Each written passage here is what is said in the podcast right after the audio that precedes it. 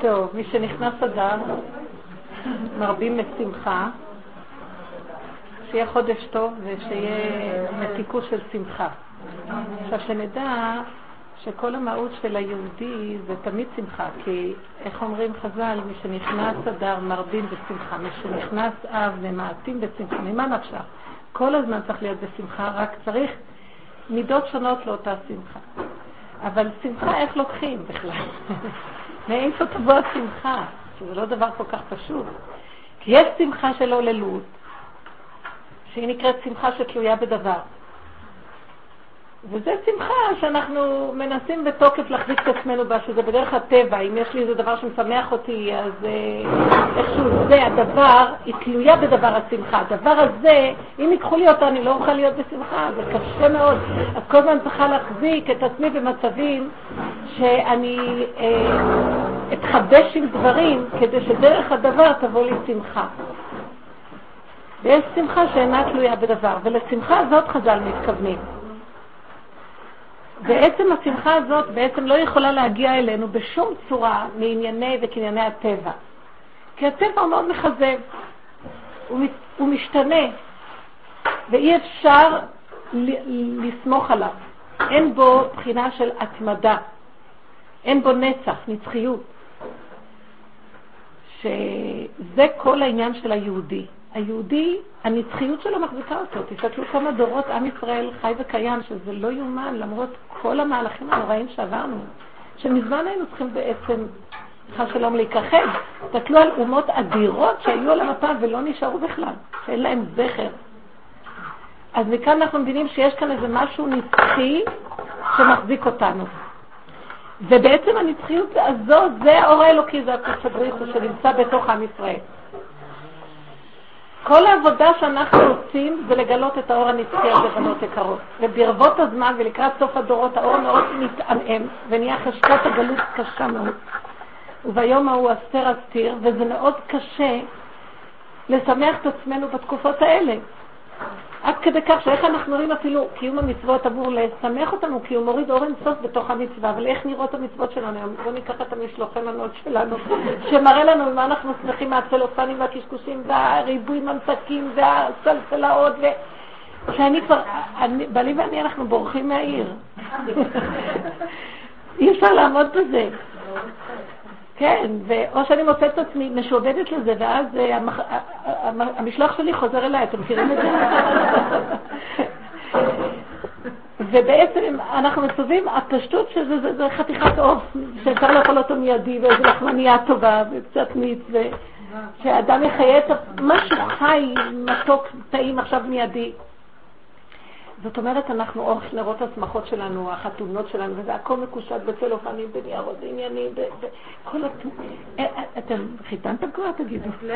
כמה מתנות צריך לתת, וכמה לקשט, וכמה לסדר, והכל עיצובים, אין כזה דבר סתם, צריך עיצובים, עיצובים וניירות ודברים. אין את זה. אז נברח לצפת. זאת אומרת, הכל בדברים שתלויים על מנת שדרכם אנחנו שמחים, וזה מעציב, זה קשה, זה מלאה. את סוחבת שק כבד ומתעמתת, הדור האחרון מתעמת כל הזמן להכניס את הראש מעל המים. רק לשטף מים רבים אליו לא יגיב. בו בזמן שהמצחיק שבדבר, כל יום יוצאת בת קול ומכרזת, תוריד את השק כי העגלה נוסעת במילא. מי שומע לקול הזה, לכרוז הזה? וכל עבודתנו איך לגלות את האור הזה בתוך החיים הפשוטים שאין בהם שום חידוש או איזה אה, משהו של זעזוע חיצוני שממנו אנחנו נקבל את ההתלהבות. מגוף הנשימה הזאת, מהאכילה הפשוטה, מהשתייה, מההליכה, מה... מעצם זה שאני פותח את העיניים ואני נושם, אין, סוף כאן צריך להגיד תודה ולהודות ולשמוח בצורה שבלתי ניתנת לתיאור. איך מגלים את האור הזה? שהוא שוכן איתם בתוך תומותם. וזה כל העבודה שאנחנו עושים. ושנדע דבר קשה מאוד, יש את הכוח שמונע את הדבר הזה, וכל השיעורים שאנחנו רק מנסים למצוא מה הכוח המונע. אנחנו אפילו לא מדברים מה הכוח האלוקי. כאילו, לא עסקינן בכוח האלוקי בכלל, עסקינן בפגם ובדבר שמפריע לגילוי של האור האלוקי, שבשם כולל אנחנו קוראים לו עמלק. שהוא בעצם המסתיר ומכסה את המקום הזה. וזה מה שאנחנו אומרים, כן? פרשת זכור שאנחנו צריכים להגיד אותו, שבוע שלפני פורים. זכור את אשר עשה לך עמלק, אשר קרחה בדרך בצאתך ממצרים, ואתה עייף ויגע ולא ירא אלוקים. עייף ויגע. אולי נתחיל במילה זכור. זכור כי הוא משכיח, אתה חייב לזכור. כל מטרתו זה להשכיח, להשכיח, להכניס אותה למצב של תרדמה.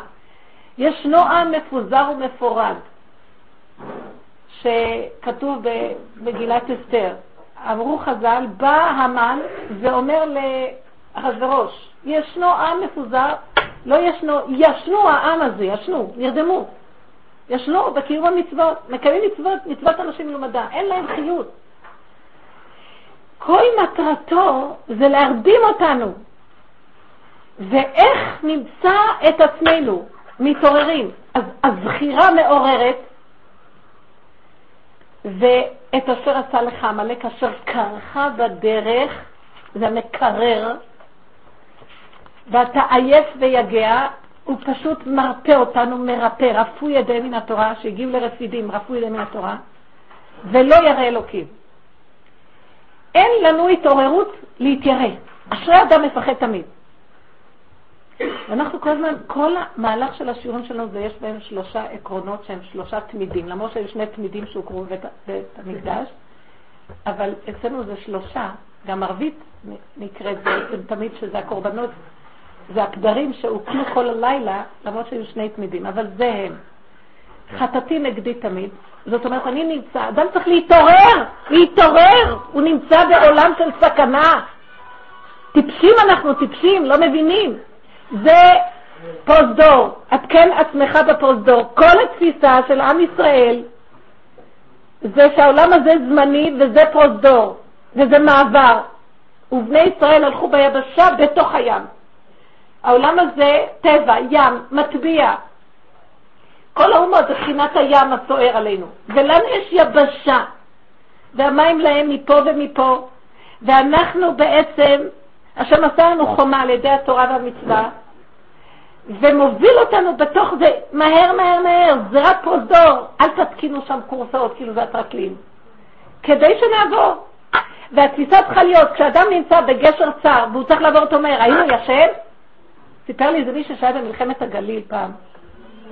שהוא מצא את עצמו, זו הייתה מלחמה קשה, עם הרבה כישלונות, מצאו את עצמם חיילים מסתובבים בשטחים פתוחים בלבנון, אטומים, והלכו לאיבוד ולא יודעים איפה הם, ויורים כל הזמן. הוא אומר, שלושה ימים, ואנחנו לא יודעים איפה אנחנו, וכל הזמן יורים עלינו, ואני מת מעייפות, הרגליים שלי כושלות, אני נופל ואני קם, נופל וקם. יום ולילה אנחנו לא יכולים להרשות לעצמנו להתנמנם. הרגליים נכשלו לי כמה פעמים, ואני מוצא את עצמי ישן בעמידה, שוכב, ונבהל מהעוצמה שאיזה כדור יירה בי ואני חייב להמשיך. זה כל כך המחיש לי את העניין מה זה לרוץ בפרוזדור הזה. אבל הוא המשיך. וכך הוא הציל את החיים שלו. הוא אומר שהיו אה, חיילים שנרדמו והם פשוט הלכו. לא יכלו להחזיק מעמד. יורים, שטח פתוח, וכל הזמן יורים. וכל העבודה של האדם זה ההתעוררות הזאת, ומה יעשה עמלק? יגיד לו, לא, אני ארדם וגמרנו. וכל ההתעוררות הזאת זה כל הזמן. להבין, העולם הזה הוא פרוזדור שזה נקרא חטאתי נגדי תמיד. פה נקרא מציאות של חיסרון. העולם הזה הוא חסר, אין בו שלמות. שמו אותנו במקום הכי חסר. למה שמו אותנו פה בחיסרון הזה? אנחנו שמנו את עצמנו על ידי אכילת עץ הדת. מלכתחילה לא הייתה כוונה כזאת. השם הביא את העולם להתענג על, על, על השם. אבל אכלנו מעץ הדת, ולשעתו נתנו לנו, אתם נכנסתם מהדלת הזאת, אתם תחזרו מאותה דלת. אתם לא יכולים לדלג ולעלות, על הרי מקפץ על הגבעות. תיכנסו מאותו, אתם חטאתם, אז תעברו. נותן לכם שביל מוגדר וכלים תורה, איך לעבור. אתם לא יכולים להיות בהפקרות. אבל זה מאוד קשה, השביל הזה אורך ששת אלפים שנה, ואי אפשר להגיד שחיי שעה לא נקראים חיים. יש חיי עולם ויש חיי שעה, גם חיי שעה זה חיים, מה נעשה? אבל יש לנו את הגדר, וכל הזמן צריכה להיות האלוקות ערה בתוכנו על מנת שאוכל לעשות את התפקיד הזה, ולא הרבה תמורות עברו עלינו. תראו, היום עם ישראל הוא שני שבטים בקושי. מעשרת השבטים שאין לנו היום זכר להם, שהם מעורבבים באומות לפי הגמרא, וגם השבט וחצי שאנחנו, יש בתוכנו הרבה התבוללות, שהרבנים הם מאוד מאוד מבקשים שכל משפחה תעשה לעצמה איזה השתלשלות הדורות שלה וספר יוחסין מסוים, לבדוק מאיפה, מאיפה, כדי להחזיק משהו, כי עוד מעט כך לא כל כך יהיה ברור. בגלל שיש יהודים, שגם אין לנו על התעודה הזאת כבר את הלאום, אבל יש יהודים שהם בעצם ממתבוללים והם, והם נחשבים יהודים, כל מיני, אה, לא יודעת, כל מיני מתנדבים שהיו בקיבוץ עם כל מיני מצבים, כל מיני שלא... היה איזה סיפור עם הסטייטלר שבא אליו איזה תלמיד חכם ממש, שבא לבקש ברכה לשידוך, בחור, והוא אמר לו שהוא לא יהודי. שהוא לא יהודי, הבחור? שהבחור לא יהודי והוא לא ידע אפילו. גם אצלנו היה כזה בחור. והיה צריך לעבור תהליך גיור לכל המצב הזה. זאת אומרת, בסדר, בסופו של דבר אה, בורא עולם מרחם על עם ישראל, אבל אם אנחנו לא נתעורר להחזיק את השארית של הפליטה שעוד נשארה משהו בפנים ולהחיות אותה, אז אנחנו לא הולכים להחזיק מעמד. אז מצבו של היהודי זה קודם כל להבין שהוא בחטאתי נגדי תמיד, וזה התבוננות ביסוד הפגם. עכשיו, מי יכול להחזיק את הפגם ולהחזיק מעמד? אי אפשר לעשות כל הזמן תשובה ולהיות שמח, אנחנו חוזרים לעניין השמחה. אבל מיסוד הפגם לשיוויתי השם נגדי תמיד, זה התמיד השני, אז יש איזה חיות. וזה כל הזמן צריך להיות, זה המהלך שלנו. כשאנחנו זוכרים מה המטרה, זכור, תתיירא. למה? אתה עייף ויגע ולא ירא אלוקים. נמאס לך, נרדמת בשדה. עייף ויגע. אין להיות עייפים, אין כזה דבר. שקר. כי תראי, ברגע שיביאו לך איזה משהו שכרגע משמח ליבך, או את עייפה, עצבנית, לא מסתופף בדלת, קיבלת איזה צ'ק מאמריקה. איך את נראית? משהו אחר לגמרי. אז את רואה שאת לא עייפה. זה הנפש, הכל נפש. הנפש שלנו יושבת בכאבים. וכל עבודתנו, מה פתאום? שקר וכזב, איך לקבל את הכוח הנכון, איך לא לתת לכל ההדמיה הזאת. חטאתי נגדי תמיד, אם שיוויתי השם נגדי תמיד, רצו ושום, והסך הכולל העוטף אותם אשרי אדם מפחד תמיד, כי זה מצבו, מפה לפה, מפה, רצו ושום, כל הזמן. וזה המהלך, בלי להתבלבל. והשכחה הכי גדולה, עמלק משכיח אותנו. למה בכלל באנו לעולם? בשביל חטאתי נגדי תמיד ושיוויתי השם נגדי תמיד. בוא ניקח אדם שעושה שיוויתי השם, אה, אני רוחני, עושה שיוויתי השם נגדי תמיד. אז הוא הולך לאיזה הר בעצם ועולה שם למעלה. או אפילו בתוכו מתנתק מהעולם, והוא חי בשיוויתי השם, הוא בעצם מרחף, הוא לא נקרא שרגליו עומדות בשביל שנקראת היבשה. הוא כאילו ברח מחטאתי נגדי תמיד, הוא ברח מזה שהוא לוקח אחריות שהוא חטא בעץ הדת, ועכשיו הוא חסר. לא, לא, לא, לא, אני מד... עולה למקום שאני מדמה שלא וגמרנו, דמיון חיובי וגמרנו. לא. הוא צריך להגיע לנקודה שלו, אני פגום. מה זאת אומרת אני פגום? לא לברוח מזה, לא לברוח מזה. היי, זה עושה לי עצוב, שאני כעסן, שאני קמצן, שאני שונא, שאני זה. מה זה לא לברוח מזה? איך אני בורח בכלל? אני עוד לא התחלתי להתבונן. עד כה אני רק עסוק שהוא קמצן והוא עשה לי זה והוא רשע והוא, אם הייתי יכולה להרוג את זה ושתיים משמאל ואחד מימין, ואם הייתי נשאר לבד בעולם, אני הצדיק היחידי שעוד יכול. נוח והתיבה. ואם האדם צריך לראות, לא, לא, לא, זה אני, אם אני אתרגז אליו, אז אני רואה שבעצם אני אתרגז. נכון שאני לא אומר שהוא מאה אחוז בסדר, זה גם לא ענייני. ענייני להתבונן מה המצב שלי. וכל עבודתי להסתכל ולראות, אבל אני כזה, זו חטאתי. חטאתי זה לא מצד שאני, אוי, אני חוטא ופושע ועכשיו אני אשב בדיכאון. זה התחלה שלי, לחפש את השם, שיוויתי השם, כי אם אין לי חטאתי, מה אני צריך את השם? בשביל שאני אהיה כמו מלאך? מלאכים יש לו בשמיים. המלאכים שואלים את עם ישראל, איה מקום כבודו להריצו. הם לא יודעים איפה השם. רק מי שחי את הפגם שלו, יודע איפה מקומו של השם. כי מתוך הפגם מגלים את השם. מתוך חטאתי יש שיוויתי. אין כזה דבר שיוויתי. הריחוף הזה של שיוויתי הוא דמיון רוחני שאנחנו בורחים אליו בגלות מרוב ייאוש ותסכול. לא נכון. אנחנו, בייחוד הנשים, טוב לנו הדרך הזאת. כי אנחנו עוברות בחיים מהלכים שאין לנו ברירה, אנחנו לא, יכולות לרחב. יש לך ילדים, יש לך מטלות, את צריכה להתעקש עם החיים, לא להישבר, קו נפלת, קו נפלת. אין כזה דבר, חגרה בעוז נותניה ותאמץ רופיה. ויש לך את הכוח בפנים, לידה אחת תוכיח לך. איך זה, בין אישה כזאת הולידה את כל זה, זה לא פשוט. ואיך מאכילים את כולם, תסתכלת אחר כך, מי ילד לי אלה, מי בכלל, מי יכולה לעשות כלום? את רואה את כוחות הנפש שיש בפנים, זה של בורא עולם. אבל תתעוררי ותביני, אין בשום אופן פחד להסתכל על הנקודה. כי ממנה מיד את מחזיקה מקשרת אותה להשם. מי שבורח ישר לשיביתי בלי להסתכל, איך? אין שום פחד להסתכל על נקודת הפגם. בנות, כל השיעור הזה זה להוריד אותנו מהריחוף של הגלות, של הרוחניות ושל ה... של העץ הדעת, זה הנחש, זה עמלק. הוא רוצה להעיף אותנו בתוך החיוביות, בתוך וייתם כאלוקים. מאוד קשה לו לרדת למצב של הכרת היסוד בכלל, מדוע הוא פה ולמה הוא צריך תורה. לא, לא, לא, לא, לא, לא, הוא כבר מדלג על החלק הזה, לא, אתה צריך עוד מעט מושלם בתורה. הוא לא אומר לך לעזוב את התורה, הוא רק אומר לך, תהיה מושלם, תהיה צדיק, תהיה גדול. עוד קצת קט אתה השפיץ הכי גדול, עוד... לא נותן לך לשים את הרגליים במקום הנכון. איפה שאתה מעיף את הרגליים למעלה, הוא נכנס מלמטה. וזהו. משם מתחיל לחפור עם המקדה החור במהות שלך, של השליוויתי שלך, הדמיוני.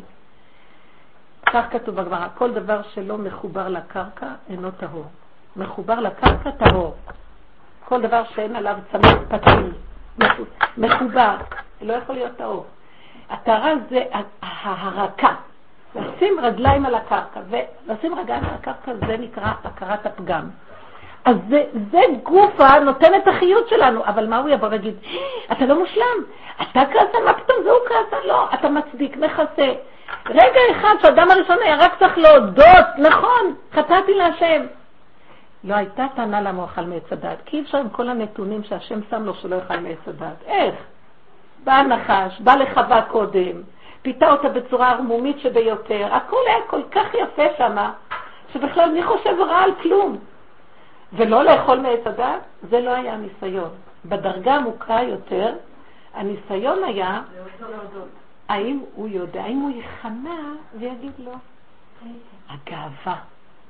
זה היה ניסיון. אתה מתגאה, אתה מתנתק מהבורא, אתה מסכים, אתה מצטרף אליו לגמרי, נכון. אני חסר, אני לא יכול, רק אתה בורא עולם ואני הנברא. אז הנברא מצטרף לבורא, נהיה שלמות. לא יכול היה לעמוד בזה, ואת זה עשה דוד המלך. שאמר חטאתי להשם. המלך הראשון שאול לא יכול היה לעשות את זה גם כן, הוא היה גדר של אדם הראשון גם.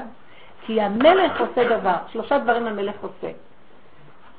מוחה את זכר עמלק, את הגאווה שמכסה ואומרת כוחי ועוצם ידי. בונה את בית הבחירה ומקבץ את ישראל, או מקבץ ואחר כך בונה. ואת זה היה צריך לעשות שאול. מאחר והוא לא יכול היה להודות, זאת אומרת, הייתה לו ענווה, אבל עד דרגה שהיא נשארה עוד עם עצמיות. אני צדיק. ובא דוד המלך ואמר לו, אני לא צדיק. ושניהם היו צדיקים גמורים. אבל אחד היה צדיק שהיה מוכן להודות שהשם יותר צדיק ממנו. ושאול, ברור שידע שהשם צדיק, אבל בזמן הניסיון הוא לא יכול היה לצאת מהאני שלו ולהיכנע ולהגיד, חטאתי להשם. הוא הצדיק את עצמו כל הזמן, תרץ, כיסה, הצדיק, והאשים את העם. העם אשר איתי. גם יהודה היה לו ניסיון עם תנ"ך, יהודה ודוד, זה אותו שורש. זה התחלת השורש, ההודעה, להודות. להודות, להסכים, לקבל, להיכנע, להשלים, ומכאן השם מתגלה. אה, מזה באה השמחה. שמחה שתלויה בדבר זה ההצטדקות, זה התירוץ, ואז אתה רץ לחפש משהו אחר שישמח אותך, כי אתה אומר, אני גדול, ועכשיו אתה גדול, אז איך תהיה שמח? רק מעצם זה שאני אומר, אני גדול, אני מדומיין, שאני מושלם וגדול, מזה בא לי שמחה. כי אם אני לא אגיד שאני גדול, מאיפה תהיה לי שמחה? כי אם אני מוכן להודות שאני לא גדול ואני קטן, ונכון, אני פגום, זה גוף המעורר את האור האלוקי להתגלות, ואז השמחה באה מגילוי האור האלוקי. זה בחינה תשובה מאהבה. שזדונות נהפכו לזכויות, ברגע אחד נהיה אור אלוקי. אתה לא צריך להתאמץ בכלל לשמוח, זה בא לבד השמחה. בזמן שאדם שמצטדק ואדם שמנסה להשיג את השמחה מכוח עצמו, כל מיני עבודות וכל מיני עניינים להתעלות בהם, הוא כל הזמן חי בסערה ופחד, שמא ייקחו לו את זה, אז הוא צריך כל הזמן, הוא כל הזמן מחזיק את האני שלו, ודרך זה רוצה להשיג את השמחה. זו שמחה שתלויה באני, בדבר. לכן, איזה עבודה נפלאה זאת הרפאיה, הכנעה. נכון, זה מקומה של האישה. תראו איזה מקום אנחנו תפסנו בדור הזה. התרחקנו מהנקודה שהיא מתאימה לנו. כי דוד המלך מסמל את הנוקבה. מלכות בית יהודה מסמלת את הצד של המלכות, הכלי של המלך. וזה הנשים. וקשה להודות, אבל יש לנו את זה בתכונה, וכמה אנחנו היום מקבלות תכונות לא מתאימות לנו, ומתבצרות בהן, וכל הזמן אנחנו במגננה והתגוננות, שמתם לב? אבל להגיד לך מילה, ישר את מנסה. הוא רק לא מחייך טוב, ישר את פוחדת, מה עשית? אפילו מישהי אומרת לי, הוא רק דופק בדלת, יש לי אה, דפיקות לב. אז היא אומרת לי, אני מפחדת ממנו. לא, אמרתי לה, לא, יש לך פחד קודם, שהדפיקה שלו רק מעוררת את זה. הפחד שלך נובע מחטא אדם הראשון, שלא יכול להגיד, אני פחדנית, אני מפחדת ממשהו. זה לא קשור לבעל. תצעקי לכם, אבא, מכל צל של מה שאני פוחדת. והפחד הכי גדול של האני זה שהוא לא יהיה אני. אז שלא יהיה אני. כל הפחדים שלנו נובעים כי אנחנו מחזיקים איזה דמיון. תסכימי, תרפי, מה יקרה? מה כבר יכול להיות? תמשיכי לנשום רק בלי אני. אני עושה את הפחדים לבני אדם. הדמיון הקיומי העצמאי של האדם. וכמה קשה להשיל אותו, בנות יקרות. אז זה מביא את השמחה האמיתית. אנחנו כל הזמן מתעכבים פה על החטאתי נגדי תמיד. זה נראה כאילו, איך אפשר לעשות שמחה בחטאתי נגדי תמיד? אז אדם כל הזמן עסוק בחטאתי. החטאתי גוף הזה שיוויתי. כי אם אני אומר חטאתי נכון, אבל לא יכול לעבוד בזה רגע. אז אבל רק אתה, מה עושה לנו האגו? חטאתי? אוי, מתחיל להתפלש בכיוון, הוא אוהב את האמת. זה נשמע פה אמת הדיבורים. אני מחפש את הפגמים שלי, אבל ישר בא אני אומר, מה פתאום, ואתה תיפול בדיכאון. לך לעזאזל, לך לישון. אתה תישן ואני אחיה, ולא אתה תשכיב אותי לישון ואתה תחיה. להיות חזקים, לא לפחד, להגיד את האמת. מה יכול להיות? כל הצרות שלנו זה אנחנו פוחדים לנגוע בנקודת האמת. באמת בנות, מאוד פשוט להגיד את האמת ולהגיד נכון. מה יכול להיות? תתרגלו את זה הרבה. כל רגע שבאים אליכם באיזה טענה, אל תצטדקו, תמצאו את עצמכם נכנסות לאיזה מאבק של לפחות דבר אחד, אל תראו את זה החוצה, אל תפתחו את הפה. עצירה ראשונה. עצירה שנייה להתחיל לראות איך את נראית. הוא מאיים עליי. את צריכה להגיד לו, לא, למה הוא מאיים עליי? כי אני מפחדת שאני לא אהיה יפה בעיניו, ישרה בעיניו, טובה בעיניו, של אותו אדם. אני רוצה לרצות אותו, אני רוצה שהוא אותי. אני תלויה בו. אני עבד לו, משתחוות לו, משתחווה לו. אני בת חורין אני, יצאנו ממצרים בני חורין, ישר, פרשת משפטים, מישר אחרי משפט, פרשת יתרו. כי תקנה עבד עברי. למה אומרים כי תקנה עבד עברי? הלוא עוד לא קנו אותו בכלל. כי תקנה, אם אתה חושב לקנות עברי שיהיה לך לעבד, אז למה כבר קוראים לו עבד עברי? כי רק על ידי המחשבה שהוא רוצה כבר למכור את עצמו, זה כבר, אתם עמדתם במעמד הר סיני.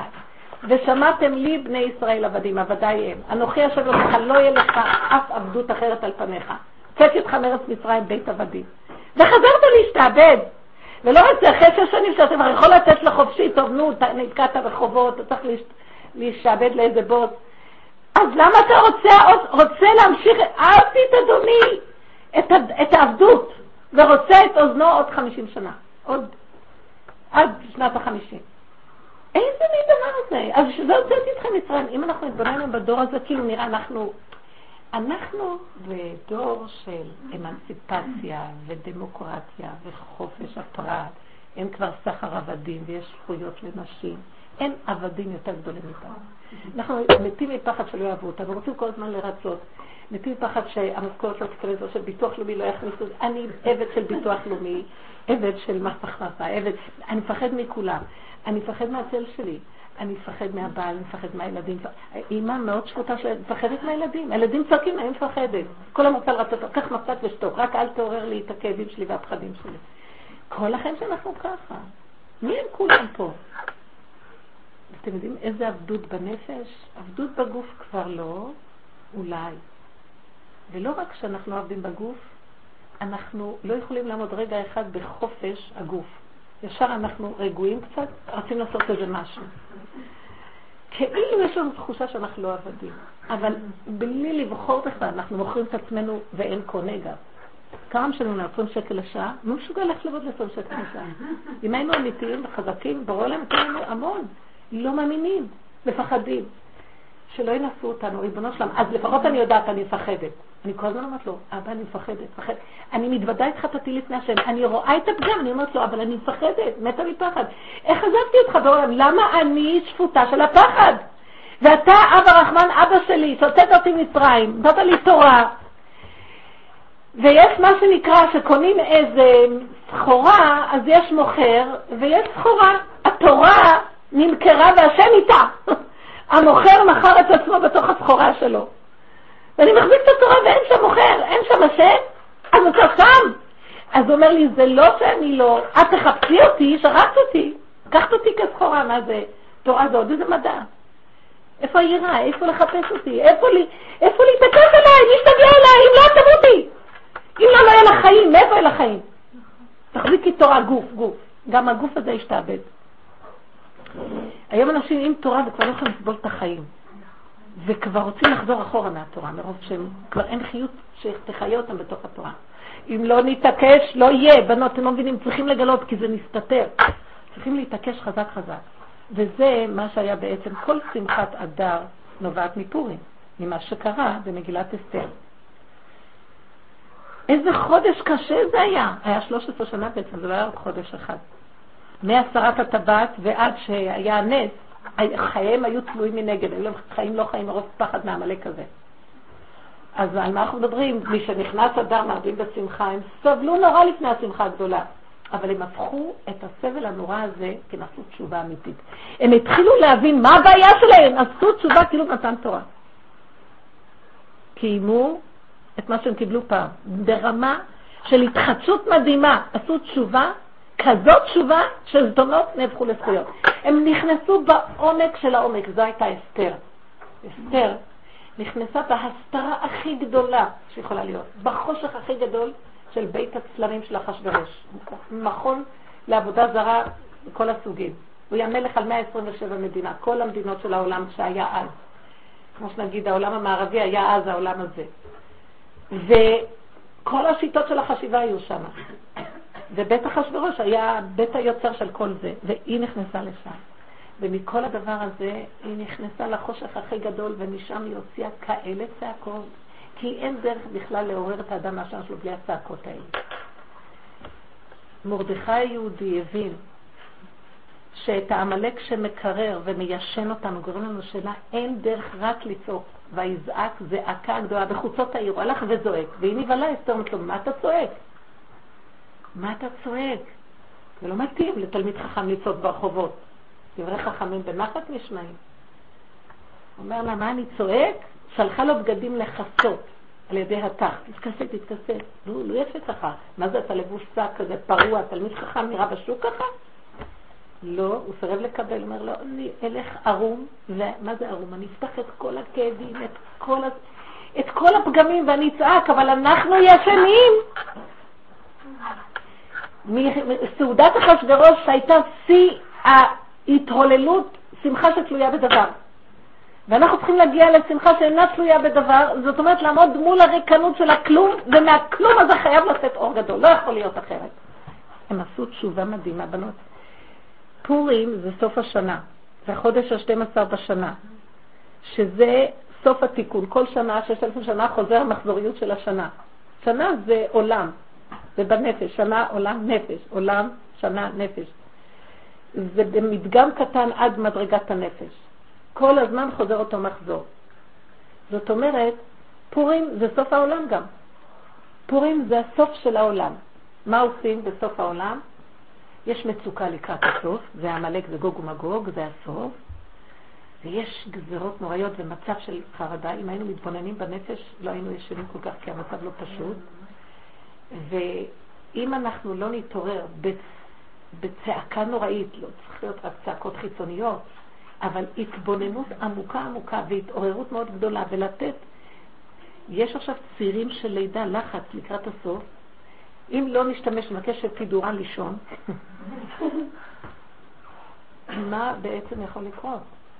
אנחנו נפסיד את המהלך האחרון, שאז יגלו את המסכות ונראה שהכל משחק ונגיע למקום שכל הדעת תיפול ונהיה במצב של עד דלא ידע. מה אכפת אם זה כן, אם זה לא? מי זה ארור המן וברוך מרדכי? עד דלא ידע בין ארור המן לברוך מרדכי.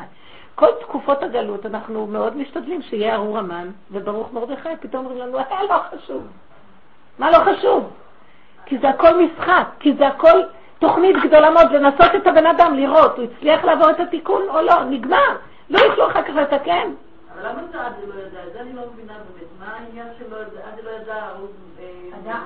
כי הגאולה זה שאין דעת. הדעת מכסה את האלוקות. הדעת אומרת כן ולא, טוב ורע, נכון, לא נכון, צריך, לא צריך. והאלוקות אומרת אמונה. מה זה אמונה? הכל טוב, הכל זה בורא עולם. אל תפחדו מהפגם. החטאתי והשיביתי זה דבר אחד, אבל לצורך שעה, כי חטאנו, אנחנו נמצאים במהלך של אה, נתיב של עבודה, ויש לנו להגיע מפה לשם, זמן ומקום, עד שמגיעים לאמונה, זה המהלך. צריך דעת. זה התורה. אבל כשמגיעים למקום הזה, אין כלום, אין דעת, אין עוד מלבדו. הכל טוב, הכל מתוק, הכל מתיקות. זה הגאולה. אז למה אנחנו נשברים עכשיו, שאנחנו רואים את הפגם? כי הדעת לא נותנת. אבל אם אנחנו נעמוד חזק, נגיד, מהפגם אנחנו מגיעים לאלוקות. אז אין כלום כבר אחרי זה, כדאי לנו. הפגם הוא רק זמני כביכול, הדעת לא סובלת אותו, כי הדעת רוצה מושלמות, דמיונות. אבל באמת, באמת, אם האדם מוכן להודות, שם נמצאת האלוקות. בהודאה את כבר מסלקת את הדעת. את מודה, כי הדעת לא רוצה להודות. הדעת אומרת, מה פתאום? מתרסת, מכסה, עץ הדעת. אבל אני גם לא מבינה את העניין של, הרי עץ הדעת אה, טוב ורע, אחרי זה נהיה את המוות ונהיה את ה... את כל הדברים, את כל הדברים שהאדם סובל מהם. אז מה ההבדל בין זה לבין הפגם? זאת אומרת, איפה כאן הפגם ואיפה כאן הדברים שהמצרים של הבן אדם? אני לא יודעת אם הסברתי את השאלה טוב, אבל... אה, המיצר עצמו, אם אני צועק משם להשם, המיצר המיצר נהיה מרחב. איך אומר? בשר הרחבת לי.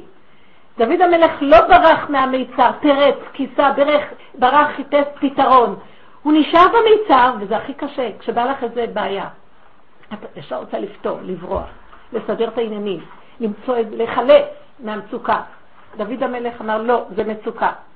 המצוקה עצמה זה סיבה שהשם נתן לי, שדרכה אני חייב להגיע אליו. כי אם אין לי מצוקה, אני לא אחפש אותו. אני מסודר לי בדמיונות שלי. המצוקה זה, זה אינסטינקט לברוח, ואני מחזיק את הכוח להתגבר על כוח הטבע האינסטינקטיבי, ולשים את הרגליים חזק בתוך הנקודה, ולהיכנס פנימה לעומק במקום לברוח. המיצר נהיה למרחב.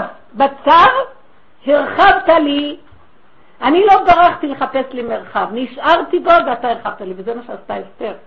נכנסה לעומק הסתרים, נכנסה פנימה, פנימה, פנימה, למצב שכבר אין טיפת אור. זה הכי קשה בעולם. אל תפחדו מהפגם, ששם נמצאת האלוקות, השכינה נמצאת שם, השוכן איתם בתוך תמותם. בא הנחש, תברחו מפה, אתם תמותו כאן מרוב חושך, את תמותי מרוב עצבים, תמות... לך תמות אתה, אני לא זזה מפה. אז המיצר זה האני של האדם, זה האגו של האדם, זה המיצר, מה שהוא מבין שזה עין. יפה, המיצר נוצר מהדמיון של האדם. זה רק דמיון. כי אין עוד מלבדו ואין אתר פנוי ממנו. הדמיון עושה שהחושך הזה נורא. אבל הדמיון הזה הוא קשה לנו, פייר, באמת. שכרגע כל החשבונות באים ואין לך איך לעשות, ואת לא יודעת מה. אם את באותו רגע אומרת, יאללה, מכאן כולם, רגע אני נושמת. אבא זה אתה, אף פעם לא עזבת אותי, אני עד עכשיו אכלתי ולא ראיתי, לא ראיתי צדיק נעזב וזר מבקש לכם. כי אין מחסור לי. להתחזק, לתפוס את הנקודה, להחזיק את הרגליים למטה, נהיה אור. עוד רגע, עוד רגע, רואים אור. משהו יבוא יסדר את העניינים. לא לתת למוח לשגע אותנו, העץ אדם.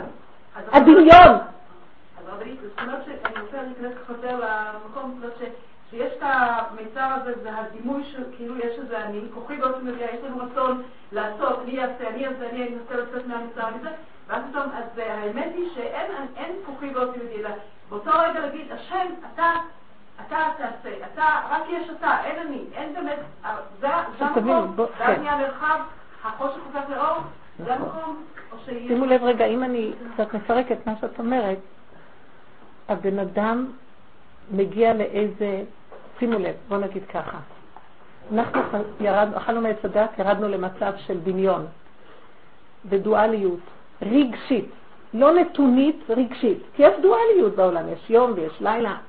מה אכפת לי מי, מה יותר טוב, יום או לילה? לא נכון. אבל כשירדנו ברגשות, אז הלילה הוא מפחיד והיום יותר טוב. אז הרגשיות הזאת מדמה לנו כל דבר בצורה אחרת לגמרי שזה באמת. וככה אני חי בעולם מאוד בסובייקטיביות ו- ורגשנות, ואני אחוז בזה, וככה המשקפיים מציירות לי את החיים. כשבא לנו איזה ניסיון, זה בעצם מאוד טוב. כשאין לנו ניסיונות, אז אנחנו בעצם מדומיינים וישנים בשלווה, בדמיון. כשבא ניסיון, מעוררים אותנו להתעורר מהדמיון בעצם. שמתם לב? למעשה הזמן של הניסיון הוא זמן לתועלת האדם, להתעוררות. אז מה אני אומר? אני מאוד מאוד בסערה לסלק את הניסיון ולחזור לתרדמה. אני מאוד מודאג מהניסיון. דעו לכם שזמן השינה הרגילה כשאין ניסיון, הוא יותר חמור מזמן הניסיון. זה ממש עמלק. מרדים אותי, אני אשם ואין כלום.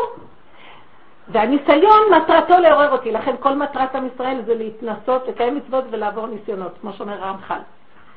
זאת אומרת שבניסיון יש לי את הסיכוי להתעורר. אבל עכשיו, מה קורה? עץ הדעת, שזה עמלק שמרדים, הוא בסכנה, הוא מאותת לעצמו סכנה, סכנה, סכנה. מה? תברח. מה זה לברוח?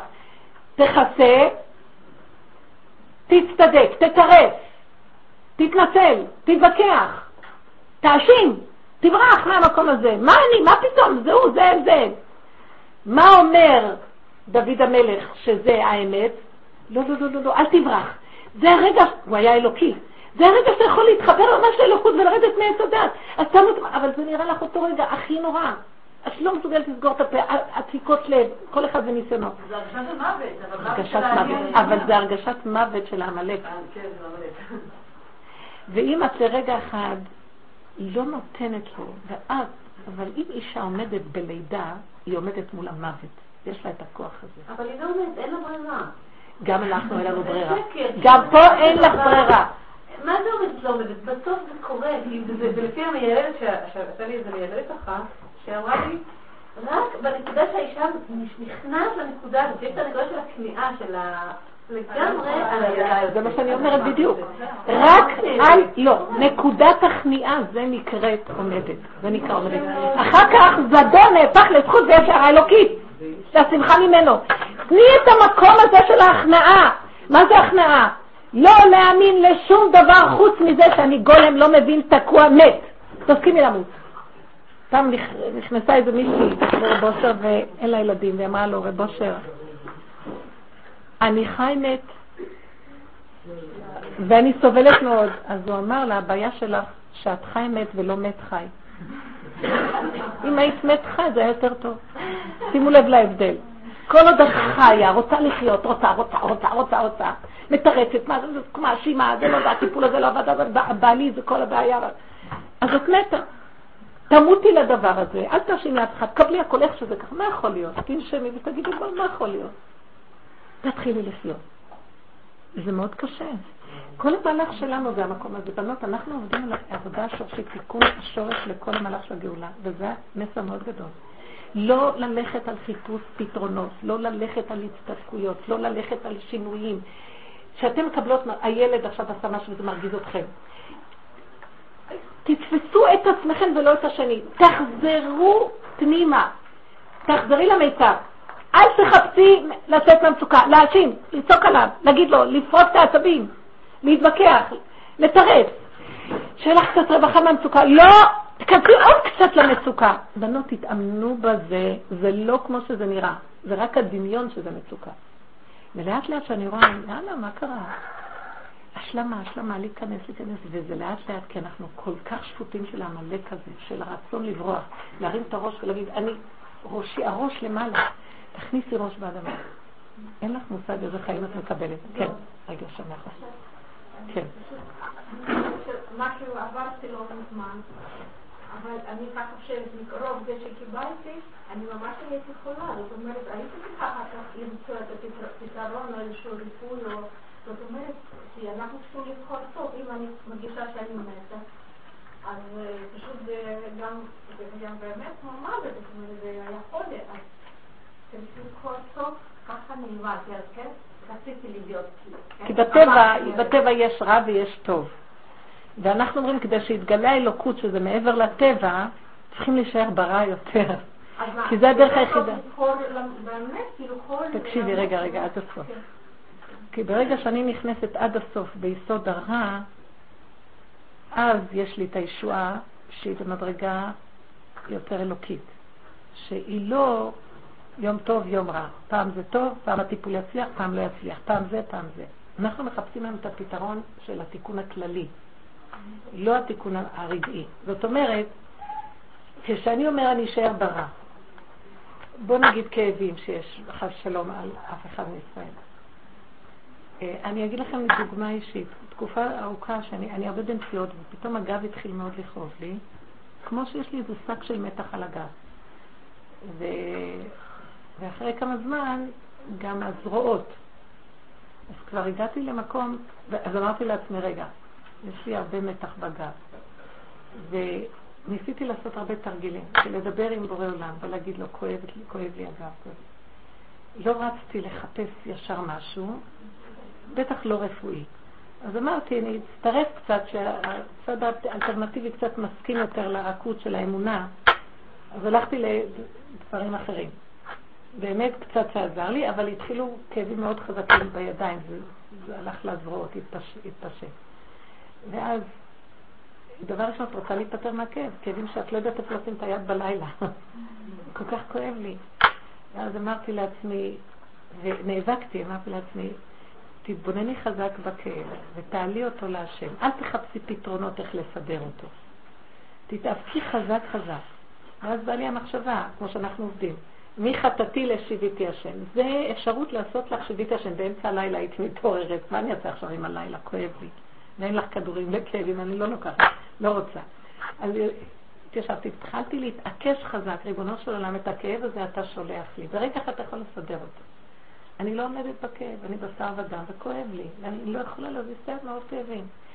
ואז המוח שלי חזק, התפילה חיזקה אותי מהכאב הזה להתעקש. פתאום ראיתי, ממש השם נתן לי מצב, תציירי י' כו' כ' ותתפסי את הציור, תעלי את הכאב לבורא עולם.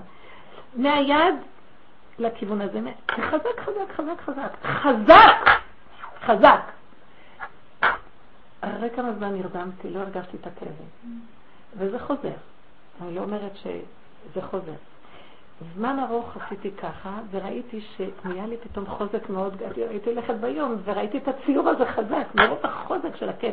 ראיתי כמה הכאב בעצם הוא חוזק מאוד גדול, שאם אני אשתמש בו למשהו אחר, אני אנצל אותו לעלות לכיוון אחר. וזה הועיל לי מאוד בכיוון הזה. ואז הכאב עוד נמשך ביד. אבל זה, הרגשתי מה שזה נתן לי, השתמשתי, אני אתן לכם דוגמה אישית. לא, אולי לא צריך לדבר על עצמי, רק על הדוגמה. זאת אומרת, מה שראיתי שזה יצר אצלי כוח של חוזק פנימי מאוד גדול. שאני והכאב זה שני דברים נפרדים. הכאב זה אמצעי, חוץ מזה יש איזה כוח בפנים שמנצל אותו לדבר אחר. אחרי כמה זמן, והמשיך לי הכאבים, שלפעמים היה לי מאוד קשה לעשות פעולות לשבת, להכין שבת, כי פעולות קצת כבר... אה, התארח אצלנו איזה רופא, והיה לו תיק של רפואות, ומאוד כאב לי ביום שישי וזה, אז הוא אמר לי, אני אתן לך זריקת קורטיזון. אז הוא נתן לי זריקת קורטיזון. אפילו לא אכפת לי, את לא מבינה? אני לא נגד כלום. ראיתי את הסיבות. לא אכפת לי כלום, אמרתי, אני עשיתי את העבודה, השתמשתי קיבלתי איזה כוח מזה, אני יודעת אבא שזה הכל אתה, גם זה שהיה רופא בבית וגם זה שהיה לו את התיק הזה, וגם זה, והוא היה אורתופד מומחה, לא סתם. אז אה, עד אליי, בבקשה, אבא, תודה. לא, לא אני, כלום. אז אני ראיתי, לא, זה לא, זה לא, זה לא חשב אפילו בסוף, כי גם זה בורא עולם, אבל זה בורא. ואנחנו מפספסים כל העניין שלנו להתעקשות להיכנס פנימה. אסתר נכנסה לעומק בפנים. אסתר מלשון הסתר, היה לה את הכוח להכניס את עצמה בהסתרה, וזה כל העניין של בת ישראל, כל כבודה בת מלך פנימה, והיא נמצאת בכוח הזה ביסודה. יש לנו את הכוח הפנימי הזה, ואנחנו הנשים צריכות לתת את הכוחות שלנו פנימה. אנחנו עפות החוצה, לקחנו, זרקנו את הגברים מהמקום שלהם, הסתלטנו שם בהחצנה ובכיבוש, ובדאגה ובמוח ובדעת, ואנחנו כל הזמן שם, במקום לעשות את הקונטרה ההפוכה. מה אני, למה אנחנו עושות כמו הגברים בכלל? בחשיבה שאנחנו בתפיסה גברית מאוד, וזה מאוד מכה בנו. מאבדים את הכוחות, אנחנו תחרות לבנים, יש מתח מאוד גדול, בסוף הגברים יורדים לחושך, ואז אנחנו לא יכולים לסבול את הנשיות שלהם ואת החוסר גבריות שלהם, וזה אנחנו גרמנו. זאת אומרת, כל הבעיה שלנו זה שאנחנו לא מוכנות, ולנו יש הרבה יותר בקלות אפשרות לרדת מהדעת מהגברים. זאת אומרת, לרדת מהמקום הזה של הבלבול. מה, לא ככה? זה לא ככה, זה ככה, ככה. אנחנו אומרות, טוב, זה ככה וזהו, יותר פשוט לנו. ואת זה צריך לשכלל ולהיכנס עמוק פנימה עם זה. לא. אה? לא.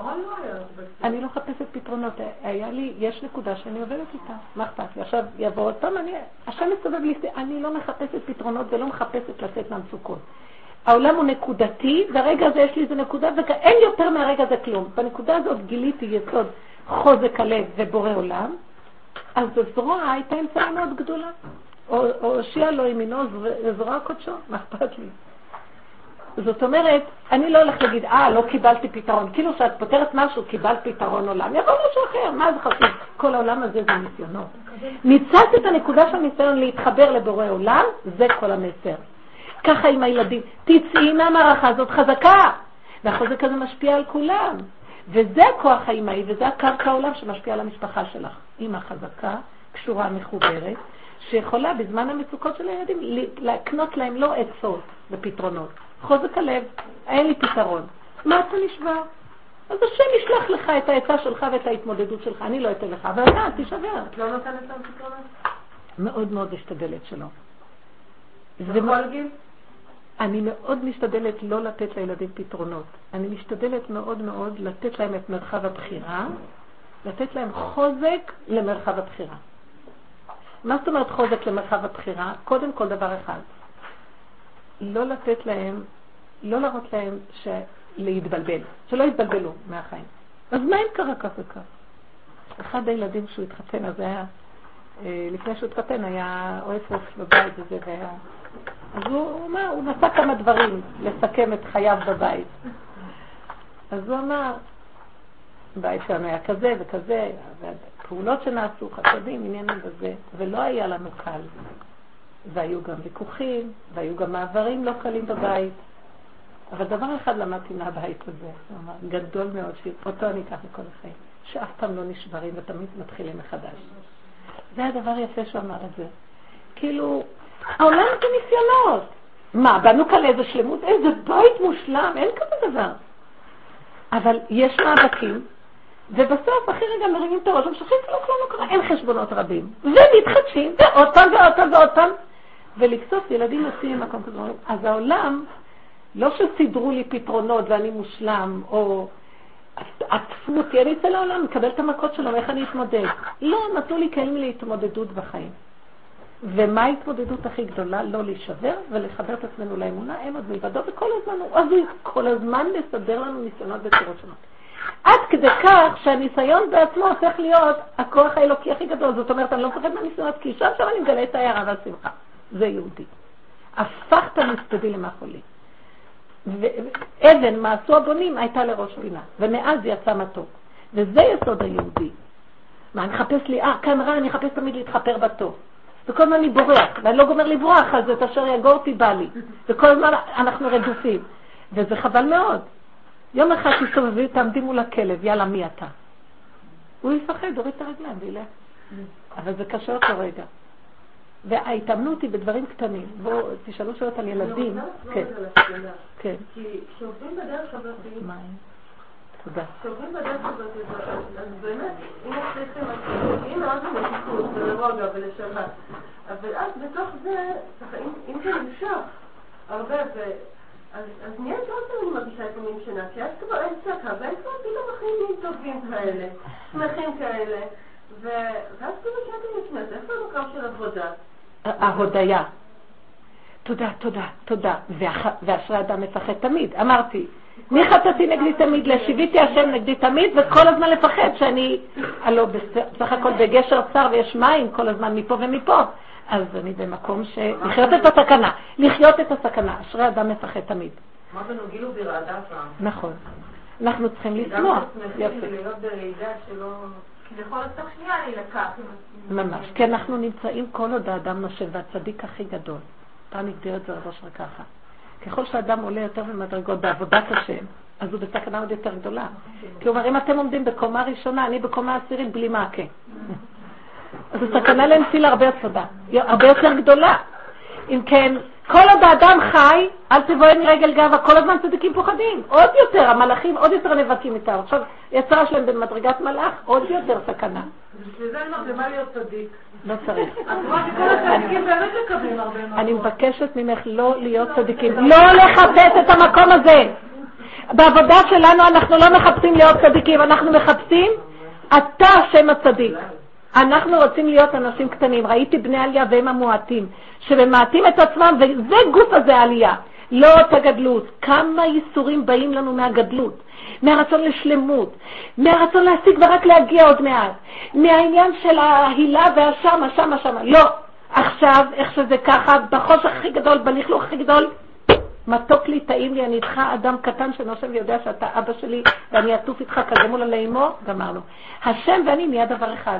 את ישר נהנית מההצלה האלוקית בלי שום לעלות, ללכת מדרגות, השגות, מלחמות ולא. זה לא מדרגה בזה שאת נהיית כזאת. זה לא צריך לעלות, זה לא עולה ולא יורד, זה בורא עולם. זה גילוי מלכות השם. אין שם למעלה ולא למטה, זה ככה הרגע.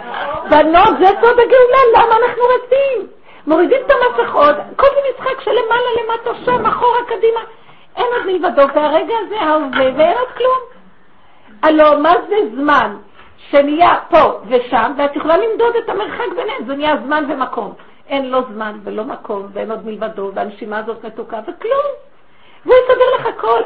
יעלה על הדעת שהוא הביא את האישה הקטנה הזאת לטפל בכל הערימה הזאת, אין לה כוחות, אין לה משאבים, אין לה כלום, ולהעמיד אותה בשיגעון שהיא הופכת להיות משוגעת, היסטרית ולחוצה וחולה, ומשוגעת מחייב, לוקחת כדורים וככה. יעלה לדעת שהשם כזה אכזר, זה השטן זה עמלק. זה השונא ישראל המובהק. למה אני נותנת כל כך על העצות שלי? אני נותנת. אני מסכימה. יום שישי הזה הילדים שלי עמדו לי במקלחת כולם, בלי עין הרע יש הרבה, ואני במקלחת שם קטנה כזאת עבודה, וכולם, אמא, אמא, הם עשו לזה בכוונה, הם רצו לעשות לי טירוף כזה, שתשגע אותי בשתיים וחצי בצהריים לפני שבת. נבהל? הגשתי את הדלת. נהדר. זה לא הם, זה השטן מתלבש עליהם כדי לשגע אותי. הרבנית, כן. אם יש לי במשפחה מישהו כזה, שהוא חי בצדיקות, הוא בישיבה כזאת שהכל, אה, חיים בצדיקות. עכשיו, אין לי בעיה עם זה, כל עוד זה נוגע נגיד לאימא שלי. שאימא תבוא, היא צריכה לשים כיסוי ראש, היא צריכה... כפייה, כפייה דתית. זה מאוד מקומם אותי, איפה החיסרון שלי פה? מאוד מקומם אותי, זה ממש מוציא אותי מדעתי אפילו. אוי, איפה החיסרון שלי? בנות, מה אכפת לך ממנו שהוא יתלבש על אמא שלך ויעשה לה את הקרחת ויד בשלה את? מה אכפת לך? אני קולטת כמה זה מרחיק, זה מרחיק אותה. את לא תעשי את החשבונות שלה, זה השטן שלה. היא משתלטת כבר, כמה הוא מרחיק אותה, מה זה, מה אכפת לי שירחיק אותה, מה לי ולה בכלל? את לא מבינה איפה השטן מתלבש? אני צדיקת עולם, אני אעשה את החשבון של צדק העולם, אני אעשה את מלחמות העולם, ואני אשרה פה כבר סדר ומשמעת, והעולם יהיה צודק. ראיתי הרבה אנשים שמתו, בתי קברות מלאים מאנשים כאלה. מה אכפת לי בכלל? השטן גם שם לא יתפוס אותך. אם את רואה שאת מתרגשת, מתרגזת, כועסת על הילד, כבר מתחילה לחצים, זה כבר שטן בפני עצמו, מה יצא לך מזה? לא אמות כי יחיה ואספר מעסקה, תזהרי. תשאירי את אימא שלך לילד הזה, השם שלח לה שליח טוב, מה אכפת לך? למה את מתבלבלת? למה אנחנו מתערבבים עם הילדים הבנים? אנחנו חולשים על שטחים לא שלנו, לצאת מהמשבצת, כל הפורץ גדר נחש ישכנו. למה לך? כל כבודה בת מלך פנימה, ראש קטן, ראש באדמה, ראיתי בני עלייה והם המועטים. אבא, על מה אני אבכה שם?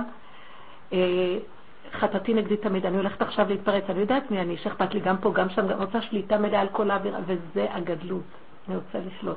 אז תרחם עליי ואומר לה, מה אכפת לי? עד שלא ידפקו, יגידו לי, אמא, אמא, אמא, שאמא שלי לא תבוא אליי ותגיד לי, תראי מה עושה לי, תראי מה עושה לי, אני לא אגיב. וגם אם היא באה, אני צועקת, אבא תרחם עליי, מה זה קשור אליי? אז עד שלא ממש כבר חרב מונחת על הצוואר, מה את מתערבת בכלל? כיבוד הורים. אל תכבדי. כיבוד הורים זה... אם היינו מבינים מה זה גדר של כל מצווה, לא היינו נראים עם התורה שאנחנו נראים. זה לא גדר המצווה. את יודעת מה זה כיבוד הורים? כשהיא באה אלייך ומתלוננת ומבקשת שאומרת, וגם את עוד תתרצי ותחפשי איך להתרחק, כיבוד הורים זה לא, את לא תתנדבי לשום דבר, גם לא לכיבוד הורים. עד שזה מגיע אלייך. הבנתם איך עושים מצווה? אנחנו גדר של כל כבודה בת מלך פנימה. אתם יודעים איך צריכות המצוות? אנחנו לא רצים אחרי המצוות, המצוות רצות אחרינו. ולא רק שהן רצות אחרינו, הן מכריחות אותן ואנחנו לא רוצות גם. אתם מבינות את זה או לא? תראו מה קרה לנו. אנחנו, סליחה, אנחנו יצאניות. ככה מקיימים את המצוות, ותצא דינה, תפס אותה חמור בן שכם. מה אתם חושבים? מה?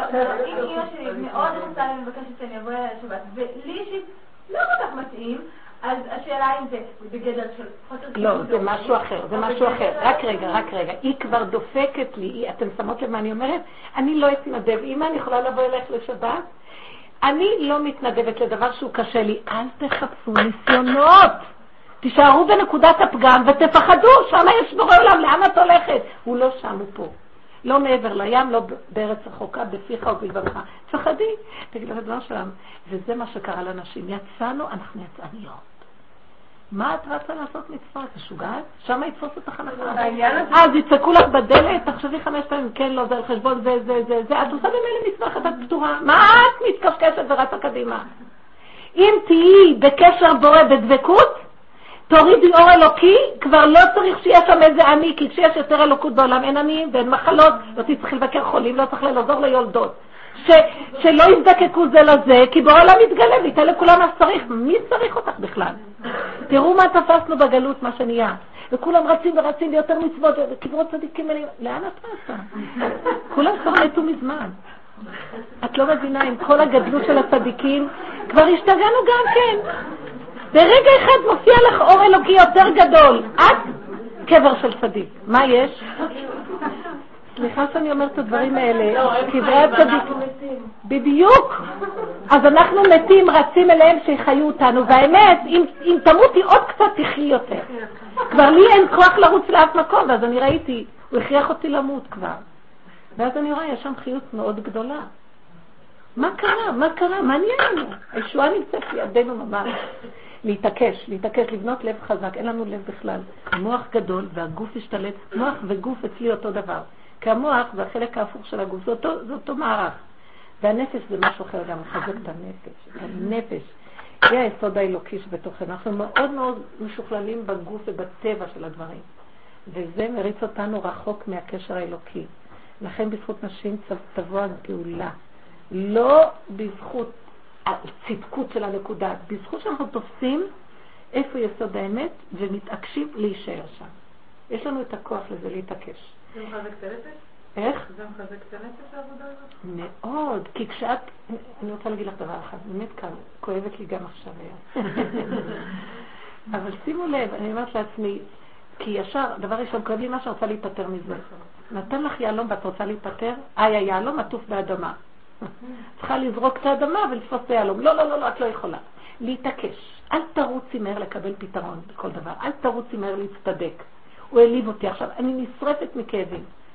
אז תעזבי אותו ותראי את השרפה, ותחי עם השרפה. תלמדו לחוות. בואו ניכנס קצת לעומק. מגיבים, מגיבים, כמו חתול עכבר. גירוי תגובה, חיות, גירוי תגובה. ההוא ראה את העכבר, הזנב קפץ. ככה אני נראית. אז איפה האדם שבך? תעצרי. תעתקי, תצמצמי, תנשמי, תצעקי להשם, כואב לי, אני מתה מכאבים, כואב לך, זה הדמיונות שלך. הגאווה שלך מושפלת. תתחילי לקבל תשובות. אז כרגע הגאווה שלי מושפלת, יש לי גאווה. אז מי יפתור לי את זה? רק אתה שם יכול לעזור לי. ואז אני קביעי דבר אחד, אני מלאה גאווה, אני מלאה מלאה, מה אני אעשה? אז בורא עולם אומר דבר מאוד עמוק בפנים. מתוקה שלי, את לא יכולה לפטר מהגאווה בחיים. זו תוכנה שאת לא יכולה לצאת ממנה. אני אגיד לך דבר אחד, פשוט תגידי, אבא זה אתה. קח את הגאווה, לך אתה הגאווה. אני, בתוכי יש גאווה, קח אותה, תמלוך אתה בגאווה הזאת. זאת אומרת, כל פעם שאני רואה אצלי גאווה, אני אומרת לו, אבא זה אתה. זה נהיה בדיחה כבר, אבא זה אתה. כל פעם אני אצטער שאני בעלת גאווה, אני אומרת לו, אבא זה אתה. כן, גנבתי את זה ממנו, לא, שום מידה לא שלנו, הכל שלו, אבל עשינו שזה שלנו.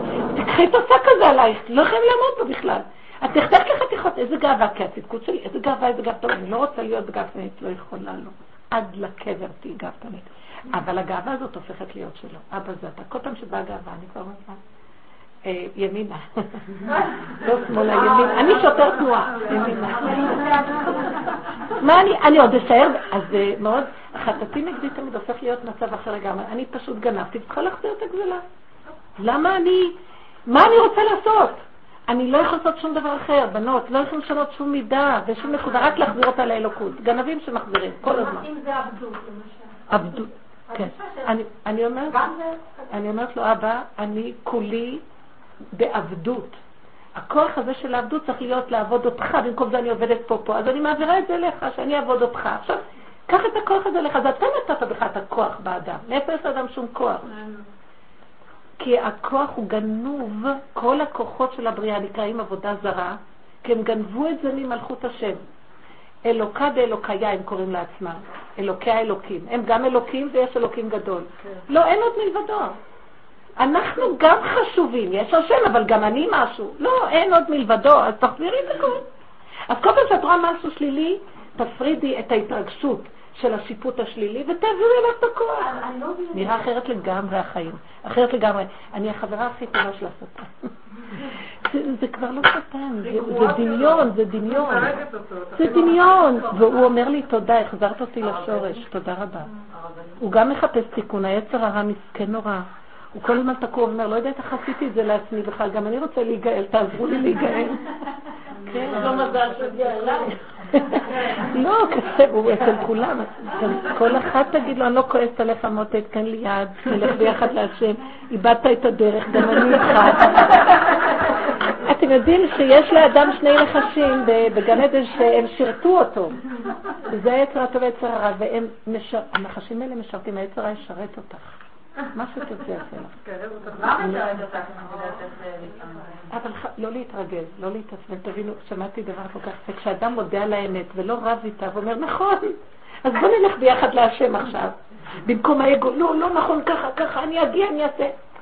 אחד היה, סיפר שהוא עבר את השואה, והביאו אותו לתאי הגז עם אושוויץ, הנקודה האחרונה שלו. והיה שם שומרים לאורך כל השורה. והשורה הסתרכה לאט להגיע לתאי הגזים, אז עומד לידו שוטר נאצי, והוא אומר לו, הוא כבר השלים, הולך לתאים וזהו מה. אז הוא אומר לו, תגיד לי, יש לי רק דבר אחד, קושייה אחת גדולה, גם למוות צריך לעמוד בתור? החייל הנאצי שמע את זה ופרץ בכזה צחוק, הוא נהנה מהבדיחה שלו, כי הוא אמר לו את זה במין בדיחות הדעת, תגיד, גם לפה צריך לעמוד בתור? הוא אומר לו, תצא, תצא, יאללה, אתה לא צריך לעמוד בתור. וככה הוא נמלט. כשהוא לקח את הכל כבר בצחוק, ואמרנו כבר, אז אם כבר אנחנו פה, תזרזו קצת את התהליך. כך פשוט, בנות, אנחנו נבהלות. החרדה של הבהלה, וזה מה שרוצה לעשות לנו, להבהיל אותנו כל הזמן. המן, והמן נבעט. אתם מכירים את זה? נבעטים, אנחנו נבעטים. הילד עושה ככה, את נבעטת. זה המן, בפנים. כל פעם שאת מפחדת ממשהו, מה את מפחדת? מה? מה יכול לקרות? מה? מה? אבא תרחם עלינו. כל הזמן תגיד תרחם. ותביא לו את הפגם. אני מבוהלת עד לשד העצמות. זה, זה, זה, מי שמבוהל, אין השם, אז אין לי השם. אז תרחם עליי. אז הפחד בעצם הוא שלך, הוא, עמלק גנב אותו. יש פחד השם, יש יראת השם, נעלה לך את הפחד. ומה שנקרא, רבי נחמן אומר, יראות נפולות ומידות נפולות, להעלות אותן בחזרה. וזה להשיב את הגזלה. דוד המלך השיב את כל הגזלות. איפה מצא את דוד? בסדום, הוא יושב לו בסדום. שם מצאתי דוד עבדי. הוא לא מפחד לשבת שם, כי הוא מבין שמשם הכל לעלות לשם, אין יותר כבר כלום, מה, מה, לאן הוא יזך? ומשם נהיה, ברגע שהוא קשר את זה לבורא, נהיה אור גדול ושמחה גדולה, זדון נהפך לזכות, ואין שום עבודה בתיקון של המידה. אני לא יכולה לתקן שום מידה, איזה, איזה מידות אני אתקן? רק ההכרה והדיבור, זה התיקון הכללי. עשינו המון בגלות הזאת, נדודים ומרחבים משם ופה ומדרגות ומעלות ועבודות שונות ומחפשים ועדיין לא מצאנו כלום. מה אתם חושבים שנמצא משהו? בעבודות האלה ובהשגות האלה. זה רק השגות ועבודות בדעת. באמת אין כלום, אין זמן, אין מקום, יש הנשימה הזאת ואין עוד מלבדו. וישר תעביר אליו את הכל כמה שיותר מהר. וזה מה שעשתה אסתר, וככה הביאה ישועה מאוד מאוד גדולה. היא הכירה שבתוך החושך הכי הכי הכי גדול, יש פה בעולם, שיעשה מה שהוא רוצה בעולמו. הוא אומר, אתה רוצה שנהיה עם, אז תגאל אותנו, ואם לא, אז לא יהיה לך עם, אתה מפסיד. נהיה אור גדול. ניסיון עם איזה ילדה, אני מודה יוסף למעשה. זה נשמע פשוט, אבל הם עושים ואני אראה לך. היא כולה בת חמש, ומאוד מאוד עקשנית. כל פעם בבוקר, שההצעה כמובן מאיימת עלינו, לא תבגד על זה, לא רוצה לצרוק את לא זה. עכשיו, עד כמה מזנחת אפשר לשלוח אותה לגן, בכל זאת קצת... הרבה פעמים מאחרת את ההצעה, ואז אני שולחת אותה במונית, כי אני לא יכולה שתישאר בבית ואני עובדת על זה. נורא קשה. פעם אחת היא ברחה לי בכלל למינוס, לקראת ההצעה, הם מתקשרים אליי, את אימא של זאת וזאת, בואי נקחת, היא ממש מרחיקה לכת. אז אני שואלת את עצמי, אני מתאפקת לא לצאת עליה, היא נעשה, לפעמים לא מתעצבן, אבל זה נורא מלחיץ, זה מעצבן. תראו בנות, אם נלך, נכון, אם נלך עם הנתונים האלה נשתגע. ויהי השם. אני אגיד לך דבר אחד, השם נתן לך ילדה כזאת כדי שתתבונני ותראי את מהלך החיים שלך. אה, אם יש ילדה כזאת, אסור להתעקש איתה. את צריכה להרפות. אני בכלל ראיתי, ההתעקשות היא לא בשבילי. אז תשאיר את. בדיוק, שתי אפשרויות. או לשלוח אותה איך שהיא ככה, מה שבדרך כלל את מעוררת עלייך עכשיו את כל הנחשים והקרבים. איזה בית זה, יש לך עובדים סוציאליים, תפתחו זה, לא רוצים. תראי אותה בבית, תסתירי את החרפה בפנים. תראי אותה בבית, אז את לא יכולה לצאת לעבוד, אז אולי את לא צריכה לעבוד. אם היא ילדה קטנה היא לא יכולה. תראו, בנות, מלכתחילה, נשים היו צריכות להיות בבתים, לגדל את הילדים. כשקורה כזה מצב, אז שהבעל ילך לעבוד. אבל כמה לוותר לה? כל הזמן לוותר לה? לא, לא כל הזמן לוותר לה, תבינו. את רואה ישר את ה... אה, אחד ועוד אחד ועוד לא, אחד ועוד אחד, שווה מזוודה בסוף, מה יש? אני מוותרת לה הרבה כי אני לא מתעקשת איתה, אבל איפה לוותר לה? תתעקשי איתה, מה יצא? היא עושה שתיים בלילה, לא רוצה להתקלח בבוקר. מה אכפת לך שתלך לגן אחריך?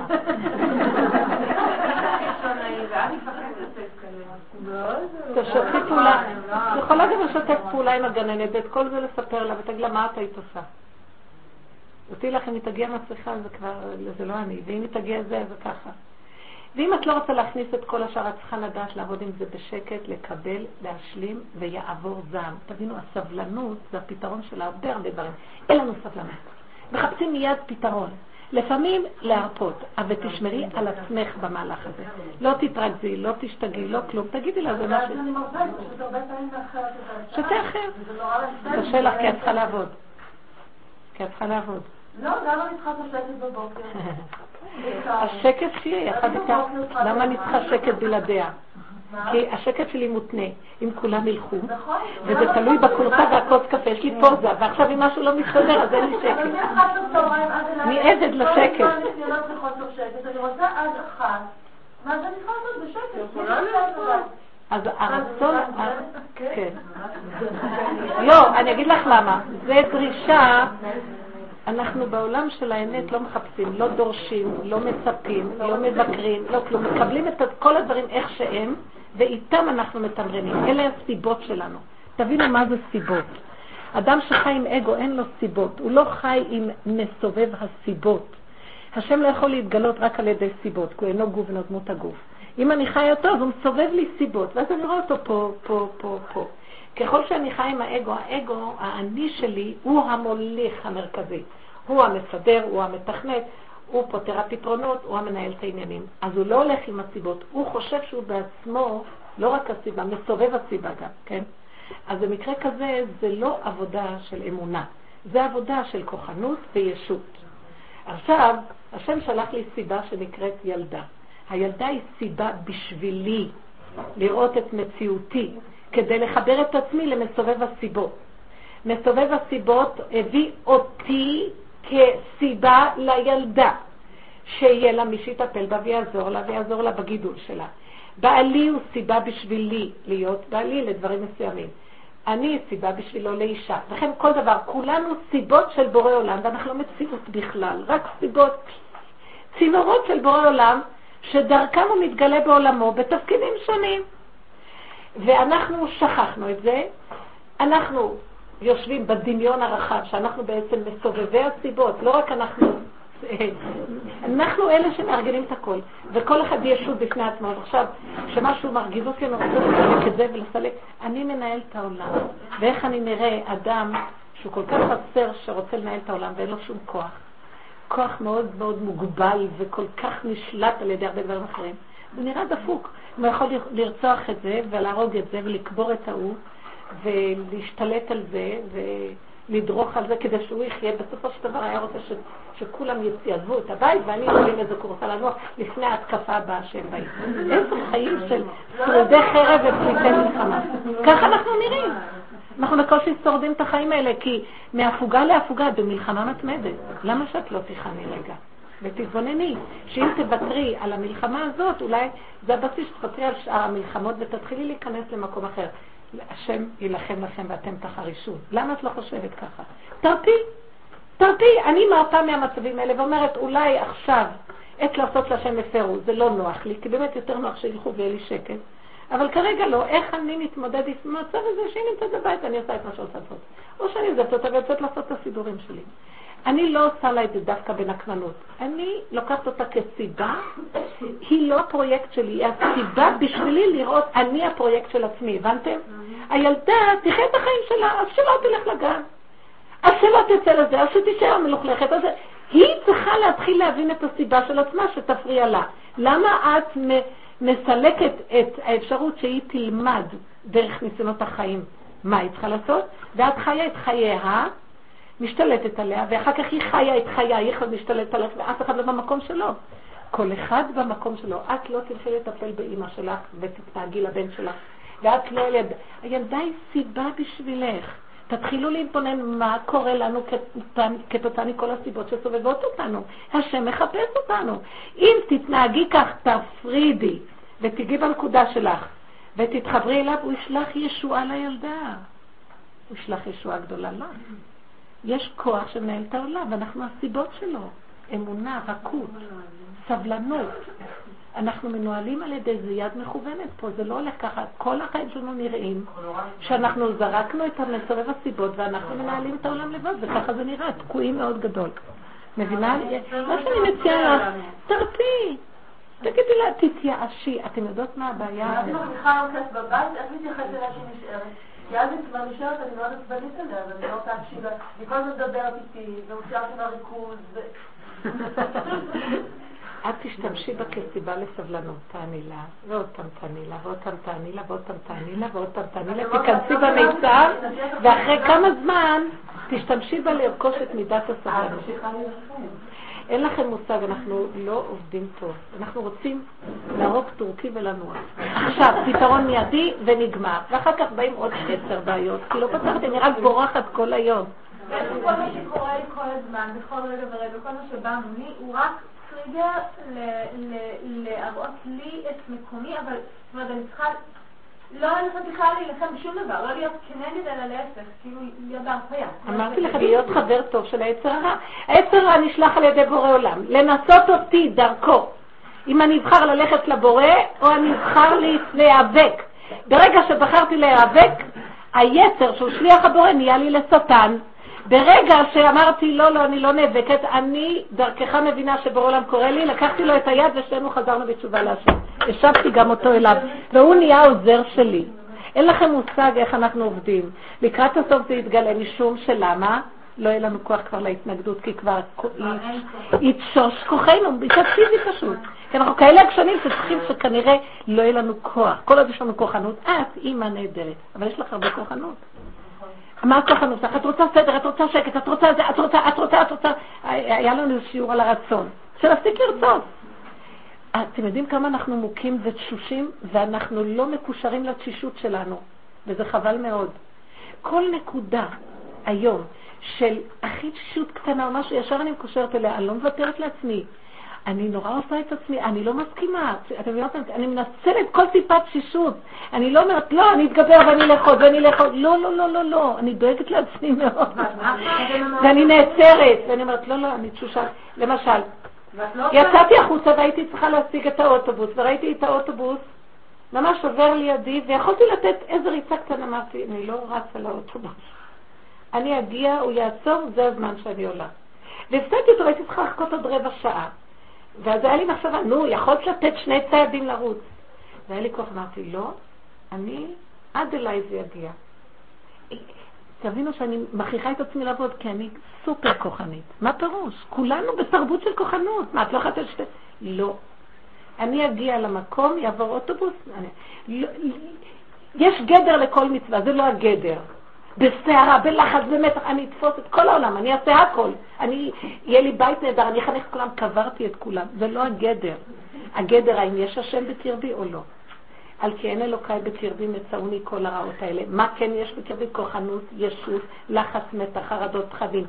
אה, יש לי בית נהדר, וכולם מתים שם, אין חיות, אתם לא מבינים? כולם שפיצים, אבל צולניקים מתים, אין להם חיות, אין בחירה, אין כלום. בא הניסיון הכי קטן, כולם נופלים, אין כוח לכלום. אין כוחות נפש. מותר שיהיה לי רצון? מה? רצון, מותר שיהיה לי? הרצון נשלח לנו כדי לבטל אותו להשם, כדי שזה יהיה רצונו. ועכשיו, בטל רצונך מפני רצונו, אז הוא יבטל רצונו מפני רצונך. אז תבינו את המהלך. כל מה שהשם שולח לנו, הוא קורא לנו, אני פה. תקשר את עצמך אליי, ואחר כך אני אתן לך לחיות. ואני, אין לי סבלנות לזה, ואני רק לחיות לבד. נתקעים בסוף. אי אפשר לחיות ככה יותר. אבל אם את מקשרת את הרצון אליו, זה בסדר. תתקשרי אליו. מה, איך אני מקשרת אליו? אמרתי לו, ריבונו שלום, אני בסכנה גדולה, אני הולכת לרצות. אני הולכת לרוץ. ואז אני יודעת שאני אקבל את המכות. כי אם אני רצה בלעדיך, יהיה לי מכות. אני, אין לי כוח, אני לא רצה לאוטובוס. אני רצה איתך. אם אתה מזכה לי ללכת לאט והאוטובוס יעצור, סימן שהאוטובוס מתאים לי. אם לא, זה לא שלי האוטובוס. אבל מותר לי לחשוב שנגיד פעם, אי פעם בעתיד, נגיד היום יש לי איזו מציאות שהיא... יש לי הקשיים שלה, אבל אני מקבלת אותה. אני, כל היום יש לי, אה, נגיד, ילדים בבית, או דברים קשים, או אין זמן לכל הדברים שהייתי פעם עושה, שהייתי רוצה איפה. אז מותר לי לחשוב שפעם או פעם, שאני טסה, אז אני תהיה לעשות את הדברים האלה. אפשר לכעוס שהיום אני לא יכולה לעשות. אני, בסדר, אין לי זמן לעשות את זה וזה, אבל נגיד... אני יכולה. אני אגיד לך, זה נקרא, את יודעת, מישלי קורא לזה תוחלת ממושכה מחלת לב. תמשיכי לרצות שפעם, פעם, פעם, פעם, את חיה על הפעם. למה שלא תהני עכשיו? זה גמרנו. ליהנות לגמרי, ליהנות לגמרי מהרגע, כי יבוא לך עכשיו כוח חדש שיראה לך שמה שאת רוצה שם זה בכלל לא כדאי לך. את מוכנה להאמין שמה שאת חושבת זה הכי מושלם. אם תתמזגי עם הכוח הרגעי ושזה הכל הוויה שמתחדשת והיא נצחית, יכול לבוא לך שכל אחר לגמרי, שאולי זה בכלל לא כדאי לך. תתחדשי לגמרי, לא רגל פה, רגל שם, בנות. להתמזג, להיות באחדות עם הבורא. אנחנו חייבות להיכנס לעולם האמונה, לא עוד איזה מדף בספרייה של הדעת, שנקרא מחלקת האמונה. לחיות אמונה. אתם יודעים מה זה לחיות אמונה? יש לי שאלה על זה. כן. אנחנו אמרנו שאנחנו חיות מהסיבות. כן. והשם הזה מהסיבה, ואנחנו פועלות בזה מהסיבה. אה, אני שואלת כי אני עושה קצת עשייה ציבורית, לא אני, אבל אני מסכנה נבח אחרי בעלי צריכה להתעסק עם זה, ויש לפעמים שזה, אני לא יודעת אם זה סיבה או מניעה. זאת אומרת, להתעקש על זה, אוקיי? או, או להגיד לו זה סיבה ואנחנו נורקים והולכים אחורה. זאת אומרת, מתי זה מניעה לקודש, ומתי זה סיבה אמיתית שאנחנו, אוקיי, השם סגר את הדלת. אני אגיד לכם, על כל מקרה, אני לא מבינה כלום, רק דבר אחד אני יודעת. שאם אני ניגשת לזה בלחץ, מתח, חרדה, פחד, כוח, כעס, אני, אני צריכה להשיג, mm-hmm. אז אני לא משתמשת נכון בסיבה. הכל זה סיבות. יש סיבות של עץ הדת ויש סיבות עם סובב הסיבות.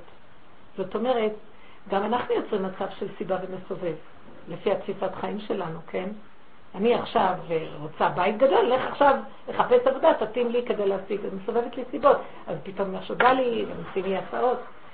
אני רוצה תמיד להיות קשורה עם הכוח האלוקי שבדבר. איך אני אדע? הסימן המובהק של קשר אמוני, קשר עם בורא עולם באמת, זה הרגיעות, וזה השלווה הפנימית. אפילו אם אני יוצא למלחמת קודש, אני ניגש אליה בשלווה. איך היו יוצאים למלחמות? הכוהנים היו יוצאים עם החצוצרות, עם ארון הקודש. הם היו הולכים עם התפילין, והם כבר כבשו. המתח, החרדה, הלחץ, הפחד מראה לי שאני במצוקה. אני הולך עם האני שלי, וזה דרכו של העמלק. זה מביא את האדם לבהלה וללחץ ולמתח. זה לא מקום טוב. אז ככה תדעי. זאת אומרת, יכול להיות שיש מצב שאת צריכה להתעקש עליו, אבל איך תתעקשי? זה לא מה לעשות, זה באיזה אופן את עושה את מה שאת עושה. זה נקרא אמונה. כי יש המון דברים שצריכים, העולם הזה הוא עולם העשייה, והשם דרכו עובר. אבל מתי אני יודעת שהאני שלי נכנס שם, או בורא עולם נכנס? איך אני עושה את הדברים? לכן אני אומרת לכם, בנות, תשתדלו קצת לחזור אחורה, שהפרספקטיבה תראה אחרת. כי כשאנחנו בקדימה ובריצה, זה האני שלנו רץ קדימה. אני הולך בראש. מי בראש, ירובעם אמר. ישר, מי, בר... מי קופץ בראש? לא, אני הולך אחורה. כל עבודתנו, באמת ההתקדמות הנכונה היא דווקא נמצאת מאחור. עוד קצת קט אחורה, שם נמצאת הישועה. אני חושבת עוד קצת קט קדימה, אני אגיע, ולא נגמר. כל היום נראה לך רק תוחלת ממושכה. להתעקש, לא ללכת בכוחנות. אל תרצי להתווכח, אל תרצי לנצח. שימו לב מה בורא עולם עשה בעולמו. אף אחד לא יכול להתווכח עם העולם. אין מי שינצח אותו, מוטי. תתווכחי עד מחר, הוא לא עונה לך. איזה יופי זה. תבינו את הדבר הפשוט הזה. תמיר ונעלם. מהו תמיר ונעלם? גם את תהיי תמיר ונעלם. האני שלך צריך להיות תמיר ונעלם. אל, ת, אל תקיני אותו בראש ותריצי אותו. שתקי, תעמדי אחורה. את לא במקום, לא יתפסו אותך. אם אנחנו שמים את הראש קדימה, עורפים היום ראשים, תזהרו. תזהרו. זה לא רק, זה לא רק, באוויר יש כוחות, תופסים את הבן אדם, נכנסות רוחות רעות לבני אדם. כעס, רוגז, מחבים, שנאה, דברים קשים, שיגעון, חולי, יש רוחות רעות באוויר. משפריצים באוויר. רבי נחמן אומר, לקראת הסוף יראו אפיקורסיות באוויר. אדם הולך ככה, הוא נושם. תלכו ככה, תחליטו סכנה, תבקש מהשם רחמים. מה אנחנו קופצות בראש? מה את מתרגשת? מה את מיד עונה? מה את מיד פועלת? מה את מתבלבלת ומה את מתערבבת? כן, בנות יקרות, תאמינו לי, תשמרי על השפיות, תשמרי על הבריאות. תשמרי על תינוק, הוא הכי מתוק, מה אכפת לו מכל העולם? רוצה משהו, צורח מיד מקבל. אבא שלי כל הזמן אומר לי, יש לך יותר מדי ילדים. אם את רוצה ילד, אני מתארת לך את הקשר. כמה ילדים יש? הוא לא מבין בזה. וכיבוד הורים, אבל אני מאוד רוצה... הוא כן מבין, תשמעי עליו, גם אם תשמעי לו, הוא מבין יותר ממך. לא, את חושבת שאת מבינה. אפילו אם זה נכון. הוא יותר מבוגר ממך. זה לא יודעת מה. ישר, אתם רואים איך הולכת? ישר היא הולכת ככה. קודם כל אני הייתי מציירת, אני הייתי רואה את הציור אחרת לגמרי. אין בכלל שני לבורא עולם, אין עוד מלבדו, נכון? גם שאבא אמר לך, כמו שהיא אמרה, בורא עולם אמר לך. למה את לא רואה את זה ככה? לא, עכשיו את הולכת עם... תקשיבי, תקשיבי. מאיפה את יודעת מה זה השם? הוא לא קשור עם הדעת של השכל התורני, נכון? ואפשר להגדיר את זה יותר נכון. אז בתוכנית התורנית יש מצווה ללדת. גם יש מצווה של להפסיק ללדת. זה אנחנו לא רואים. אני לא באה להגיד לך כלום, אני לא באה להגיד לך כן, לא, הוא נכון, אומר לא נכון. אני הייתי רואה את זה אחרת. לשעתו, הדיבור הזה היה משאיר אותי במקום כזה. אה, הוא אומר משהו. עכשיו, כשאני רואה שאני מתנגדת ואני הולכת איתו בוויכוחים, זה הדעת שלי מתנגדת. בוא נגדיר רק, אני לא אומרת אם זה נכון או נכון, אני רק אומרת מה התמונה פה. הדעת מתנגדת. אם הדעת מתנגדת, היא כבר לא באמונה. כל דבר שאת שומעת תורה, קודם תקבלי. תש, תשמעי, תקשיבי, אל תתנגדי. אל תעני, אל תזיזי, אל תשני.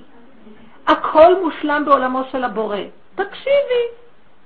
אם אנחנו נתחיל ללכת ככה, גם יהיו לך תשובות מהבורא. מה לעשות, מה לא לעשות. זה לא אבא שלך, כי אז את גם נופלת בכיבוד הורים. זה לא כלום, השטן עכשיו מנסה. את מחזירה את זה לבורא, או את מתנגדת, אז יש גם עברת על מצווה, גם סתם קשקוש, ואת מתרגשת. כולנו חולים בדעתנות. כל החברה החרדית מאוד דעתנית. אלה מחזיקים בדעות האלה, וזה דגל הדעות האלה, ואלה, ואלה בשכונה הזאת, ואלה בשכונה הזאת, ואלה כאן, ויש מלחמות, הכל דעת, אין אחדות ואין שלום, בגלל שהדעת מולך במקום איפה שתיפול הדעת, יישאר אמונה, ואז יש אחדות באופן טבעי.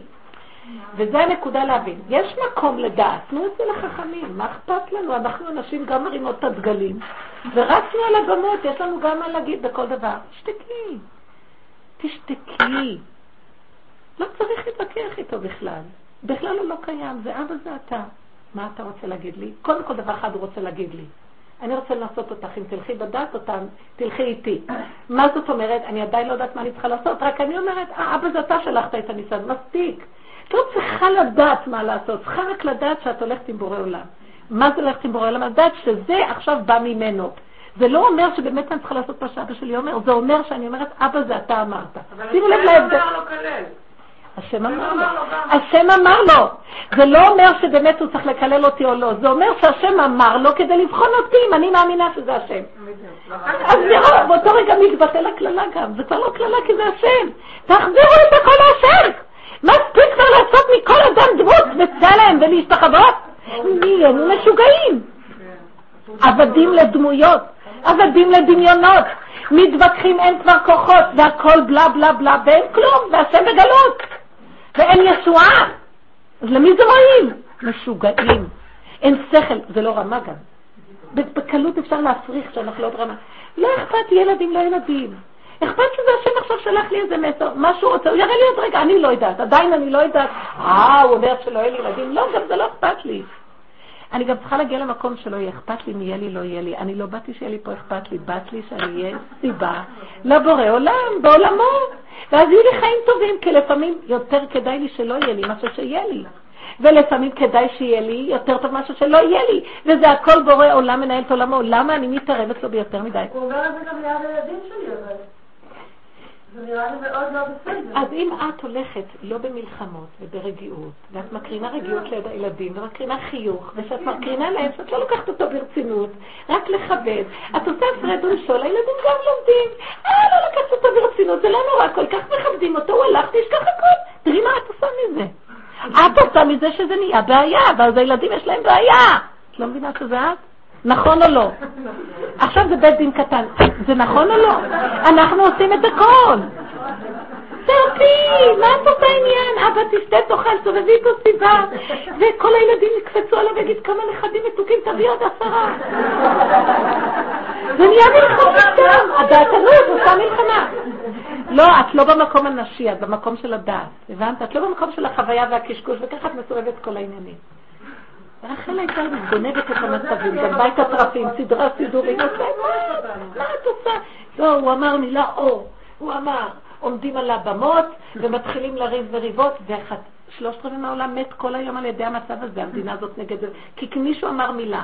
אה, אז הוא קם להגיד מילה נגדו וזה, ואז אנשים נהרגים, מתים, אז יוצאים במלחמות והורגים אנשים. אתם לא מבינים איזה דבר נורא זה? זה שטן. אנחנו לא מצליחים לעמוד בשום ניסיון, וכל הניסיונות הם לא שטן, הם נסלחו על ידי, אם אנחנו מאמינים להם בטבע, זה נהיה שטן, ואם לא, זה נהיה בורא עולם, חרס יפיות. כן? אם תיטיב שאת ואם לאו חטאת, לפתח חטאת רבץ. והבן אדם לא תופס מה מצבו. כי אנחנו משוגעים מהחפזנות, להביע דעה, להגיד תגובה, תשתקו. אני לא יודעת מה כן, מה לא. הרבה, אני לא יודעת כלום. אני מעדיפה להישאר בלא יודע מה, לרוץ קדימה ומיד להביע דעה, ואנחנו מאוד מתוכנתים על מיד להביע ומיד להגיב. ואיזה עבודה קשה זאת זה לעשות את הרוורס הזה, בנות. עיקר המאמץ של הדור הזה זה רק בשב ואל תעשה ולהיכנס יותר עמוק פנימה. ההתקדמות היא אחורה למעשה. תבינו את המהלך הזה, תתעקשו עליו, אין לנו דרך אחרת איך להיחלץ מהשיגעון והדיראון עולם מה שהולך פה היום. כן. כן. רגע, רגע, יש לנו משהו להגיד בקשר לשיעור, אני מצטערת, זה כוחני. אם לא הייתי כוחנית עכשיו, היא לא הייתה מצליחה להגיד. תני לה להיות כוחנית. למה את קיימת בכיתה? היא בנצל רק רגע, בוא ניתן לה רגע לשאול את השאלה, ואחרי זה, בסדר? שיש קצת... אה, צריך להכין תמיד את הציבור, כן. הניסיונות האלה, כאילו, אני מבינה מאוד את הדרך, אבל את מתחילה את היום ניסיון אחד בסדר שתיים, ואז נכשלים. איך עושים את זה בשמחה? כאילו, איפה נכנס פה השמחה? כאילו, זה כזה כל הזמן חשבון עצמי והצעה עצמית ו... לא, אל תלקו. לא להלקות, לא להלקות. לא, לא, לא, לא לשפוט את עצמכם, רק להודות. יש הבדל בין... זה לא אבל, זה לא הילדים, זה אני. גם לא אני. לא, לא, לא, לא, לא. התכוונתי לומר, התכוונתי לומר, זה אני שעומדת במקום לא נכון. זה הכל. בלי להתרגש מזה ובלי לשפוט את זה. בואו ניקח רק קביעת עובדות. בנות, בואו נהיה יותר נוטרליות ויותר בקביעת עובדות, לא ברגשנות. כי הרגשנות זה בא מהאני שרוצה להיות מושלם, הדעת. לא, אני חסרה, וזה מה שאני. אז רק אתה השם תעזור לי. דבר אחד אני רואה, אני חפזנית. רק שמה? אני פחדתי מהמצב הזה, אומרים, בואי, בזמן האחרון הכל בסדר, באים דברים, את אומרת, טוב, השם ידאג לו, השם ידאג לו. כל הזמן אומרת להם, השם ידאג, הילד צורח, אני אומרת לו, אני לא מסוגלת, אני לא... אם אני אקום לך להרביץ לו, אני לא מסוגלת. אז כולם אומרים לי, באמת, אבל קשה לי עם התגובות של ה... היא השתגעה, ואני אומרת לעצמי, טוב שיגידו. אחרי זה אבא שלי מתקשר, אומר לי, למה אתה מתקשר? אני אומרת לה, לא יודעת, לא... שבוע ממקום, כי הייתי מאוד פתנית, מאוד רכושנית, מאוד דעתנית, מאוד חכמה, אני מאוד צודקת, אני גאוותנית, אני וואחד במה מהלכת. יש לי כמו, את יודעת, עד לא ידע. ממש, עד לא ידע, אני עד לא ידע מהלכת. וממקום כזה פתאום אני... אז כולם נבדדים. אח שלי אומר לי, אני אבוא לצפות, אני רוצה לראות מה קורה. אני יכול רוצה לבוא. מה קורה כלום? הוא אומר לי, נראה לי שזה מצב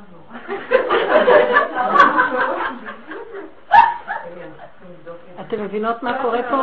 היא הצליחה לעמוד בניסיון מספר אחד, אז מגבירים לך את הניסיון לבדוק אותה. כולם עצובים סביבי, כולם, הם לא נורמליים כבר. לא, הם רוצים להתקרב. אני כבר לא יכולה להסתכל עליהם, אבל אני מדבר איתם, זה כבר נהיה כאילו די. את מבינה? זה לא מאוזן, לא נכון? לא, רגע, רגע, רגע. אני חושבת, רגע, רבנית, שאנחנו כן צריכות את המענה. של באמת לאן כן להתחבר למקור כוח. זאת אומרת, כל השיטה היא נכונה, וזה אמת, שאנחנו רצות אה, אחרי הדמיונות והחשיבה שלנו מענה אותנו. וכשאנחנו מבררות באמת האם זה שייך לי זה לא שייך לי, אז באמת הרוב זה לא שייך לי, נכון? הוא לא אשם והיא לא אשמה וכולם עברו הדרך שלי. אבל אני צריכה גם להתחבר לזה מקום כוח של אמונה, של שמחה, של... לא, לא, רגע, רגע, בלי צריך, בלי צריך. המילה צריכה עוד פעם לוקחת אותנו לכוחנות. לא, לא, רגע, מה שכאן נאמר הוא דבר טוב. תקשיבו, היא הייתה במקום מאוד מאוד של כוחנות ויצנות חיצונית באישיות. אוקיי. אדם חייב לעבור למהלך השני, כמו שהרמב"ם אומר. יש מצב של...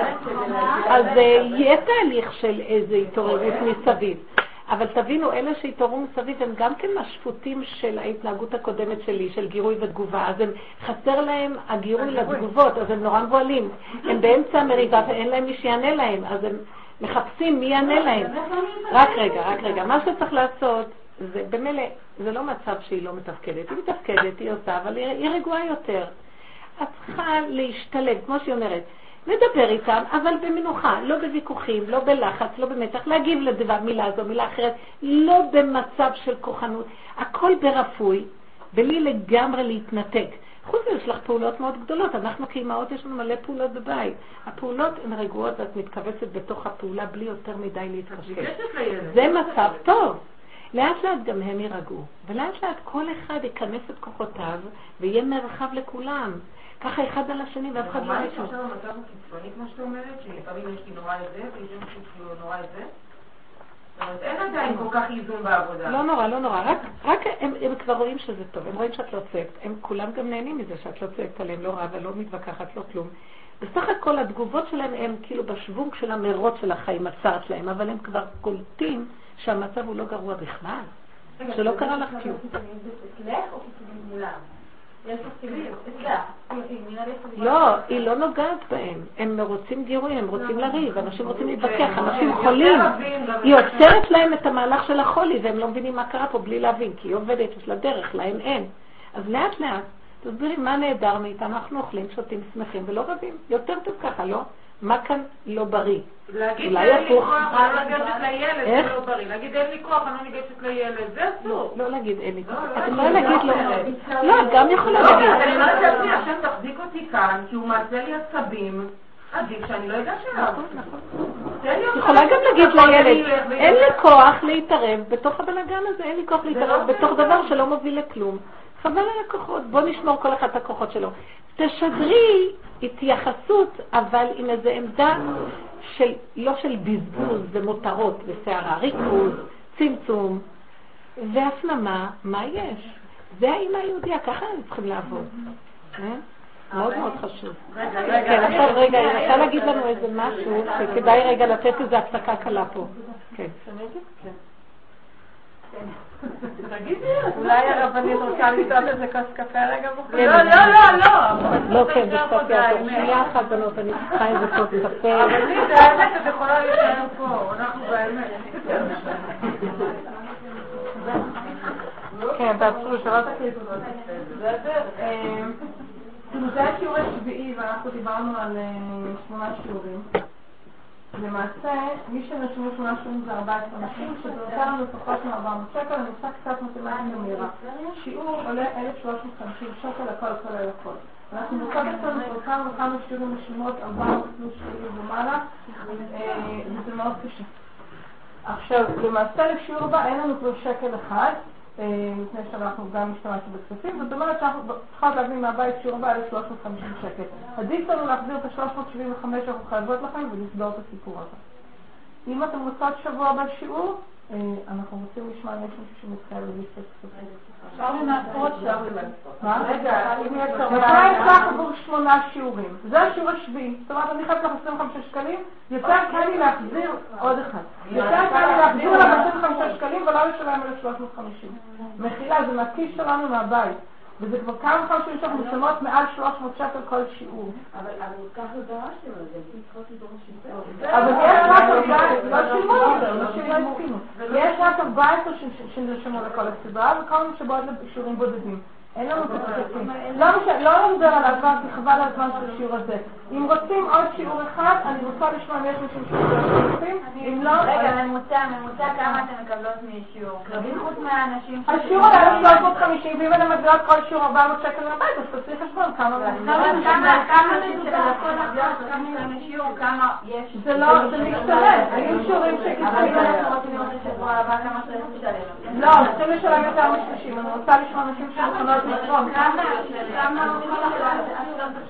כמה, כמה לתרום? לא יודעת, שככה תגיד, ונראה איזה סכום נהיה. אם יהיה לנו פה 800 שקל, אז יש לנו את זה, אם לא יש לנו, אני כמעט את 100 שקל. זה נגמר, זה איפה אני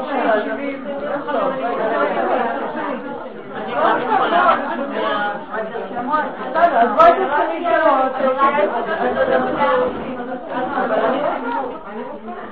רגע, עכשיו יהיה חנוכה, אין מרץ, לא? שיעור הבא זה בחודש הבא. שיעור הבא יוצא מהפורים זה שיעור השמיני. לא אבל אפשר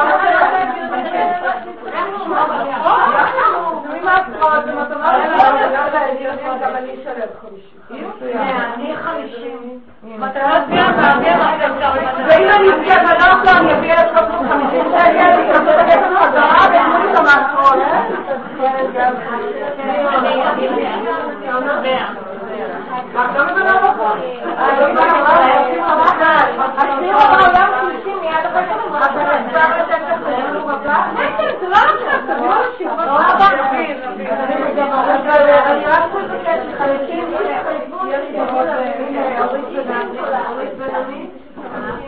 כל הכבוד, בנות!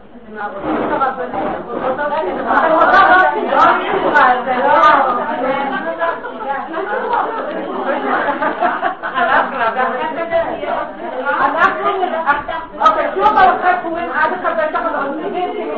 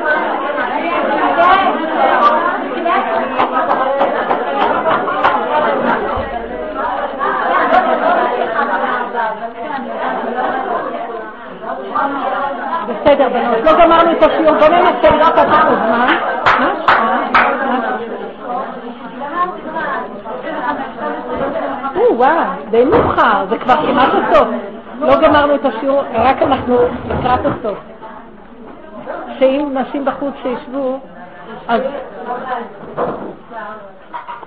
אז היא, היא שאלה שאלה טובה, איך נגיע לשמחה אם אנחנו כל כך עסוקות במהלך, וזה בדיוק מה שאמרנו, שאי אפשר להגיע לקשר בורא בלי לחפש אותו, והשמחה היא ממנו, אז אם אני עושה חטאתי נגדי תמיד, איך אני יכול להיות בשיוויתי ובשמחה? בנות יקרות, שנדע דבר אחד, השמחה באה מנקודת ההשלמה. איזהו עשיר השמח בחלקו. זאת אומרת, אם אני נמצא בנקודת הפגם ואני לא שופט ודן את עצמי, אני לא שופט ודן, אני מקבל את זה, וצריכים מאוד להילחם לקבל, כי למדנו לא לקבל, אנחנו כל הזמן שופטים את עצמנו, את הילדים, את הבעל, את כולם. אני מאוד מבקשת שנפסיק לשפוט. אני מאוד מאוד מבקשת שכל העיקר העבודה הזאת להתחיל להיות בנות עם רמה. מה זה רמה? להתבונן ולא להיות נגוע, לא להתבלבל ולהתערבב. רק להכיר, הנה עובדה, הנה צבע, הנה צורה. לא, איך אני ביחס לזה? מה הוא אמר לי? כי אנחנו כל כך מגיבים, אנחנו פלסטלינות שאין לנו צורה. תיצרו מצב של עצירה, היפוך והפנמה והתבוננות. אני רואה כזה דבר, נכון. אז אני לא מאשים אותו, אז אני רואה שזה אני, אבל אני גם לא אאשים אותי, כי אין זוכים נפש בנפש. הוא נפש, וגם אני נפש. למה מותר לי ליפול על עצמי? אתם יודעים שאנחנו נופלים על עצמנו, אנחנו מצערים את השכינה, וידונו אותנו על זה. לא המטרה שנכה את עצמנו, המטרה שרק נכיר איפה אנחנו תקועים, ונבקש את הרחמים מבורא עולם. זהו. לא, את לא תתקני את הנפש. בשביל מה את יורדת על עצמך? כי האגו והגדלות של עץ הדעת אומר, מה אני כזה? הלא הוא נדמה בעיניו כאלוקים וייתן כאלוקים. הוא לא יכול לסבול את הפחיתות ואת חיסרון, הוא כל הזמן שואף לשלמות. זה החולי שיש לנו הרבה בעולם החרדי כמובן, שאנחנו בגלות היינו צריכים לתקן את האני, במקום שיהיה אני מופקר ורע, שיהיה אני טוב ושואף לשלמות. אבל התיקון הזה אומר להיגמר, התיקון הכללי זה שאין אני בכלל ואין עוד מלבדו. אז היום זה לא לחפש את השלמות, זה התיקון של הגלות. זה כנגד הגויים וכל השלילה של העולם. עץ הדעת רע מולו עץ הדעת טוב. היום אני לא מחפש את עץ הדעת טוב, אני מחפש לחזור לבורא עולם, גם עץ הדעת טוב ייכנע לבורא עולם. אין עוד מלבדו, אף אחד לא יעמוד מול בורא עולם ויגיד אני טוב. מי יכול להגיד לידו?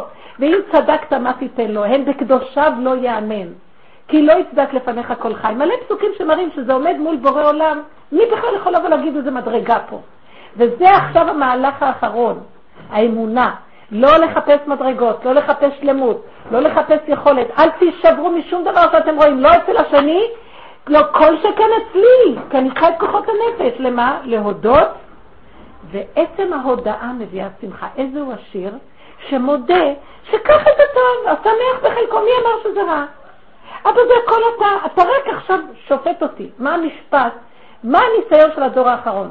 האם אנחנו נלך על עץ הדעת, טוב, או נלך על אמונה, אין עוד מלבדו. אנחנו לא נהיה נידונים אם אנחנו הולך על עץ הדעת רע, עושים עבירות, כי אנחנו לא חשודים כבר לחפש את המקום הזה. יעצרו ויחפשו אותנו אם אני הולך על הגאווה של הגדלות והשלמות והשפיציות והחשיבות העצמית, או אני הולך על השפלות והענווה, אין לי כלום. אבא זה הכל אתה. ושם יש שמחה לא נורמלית.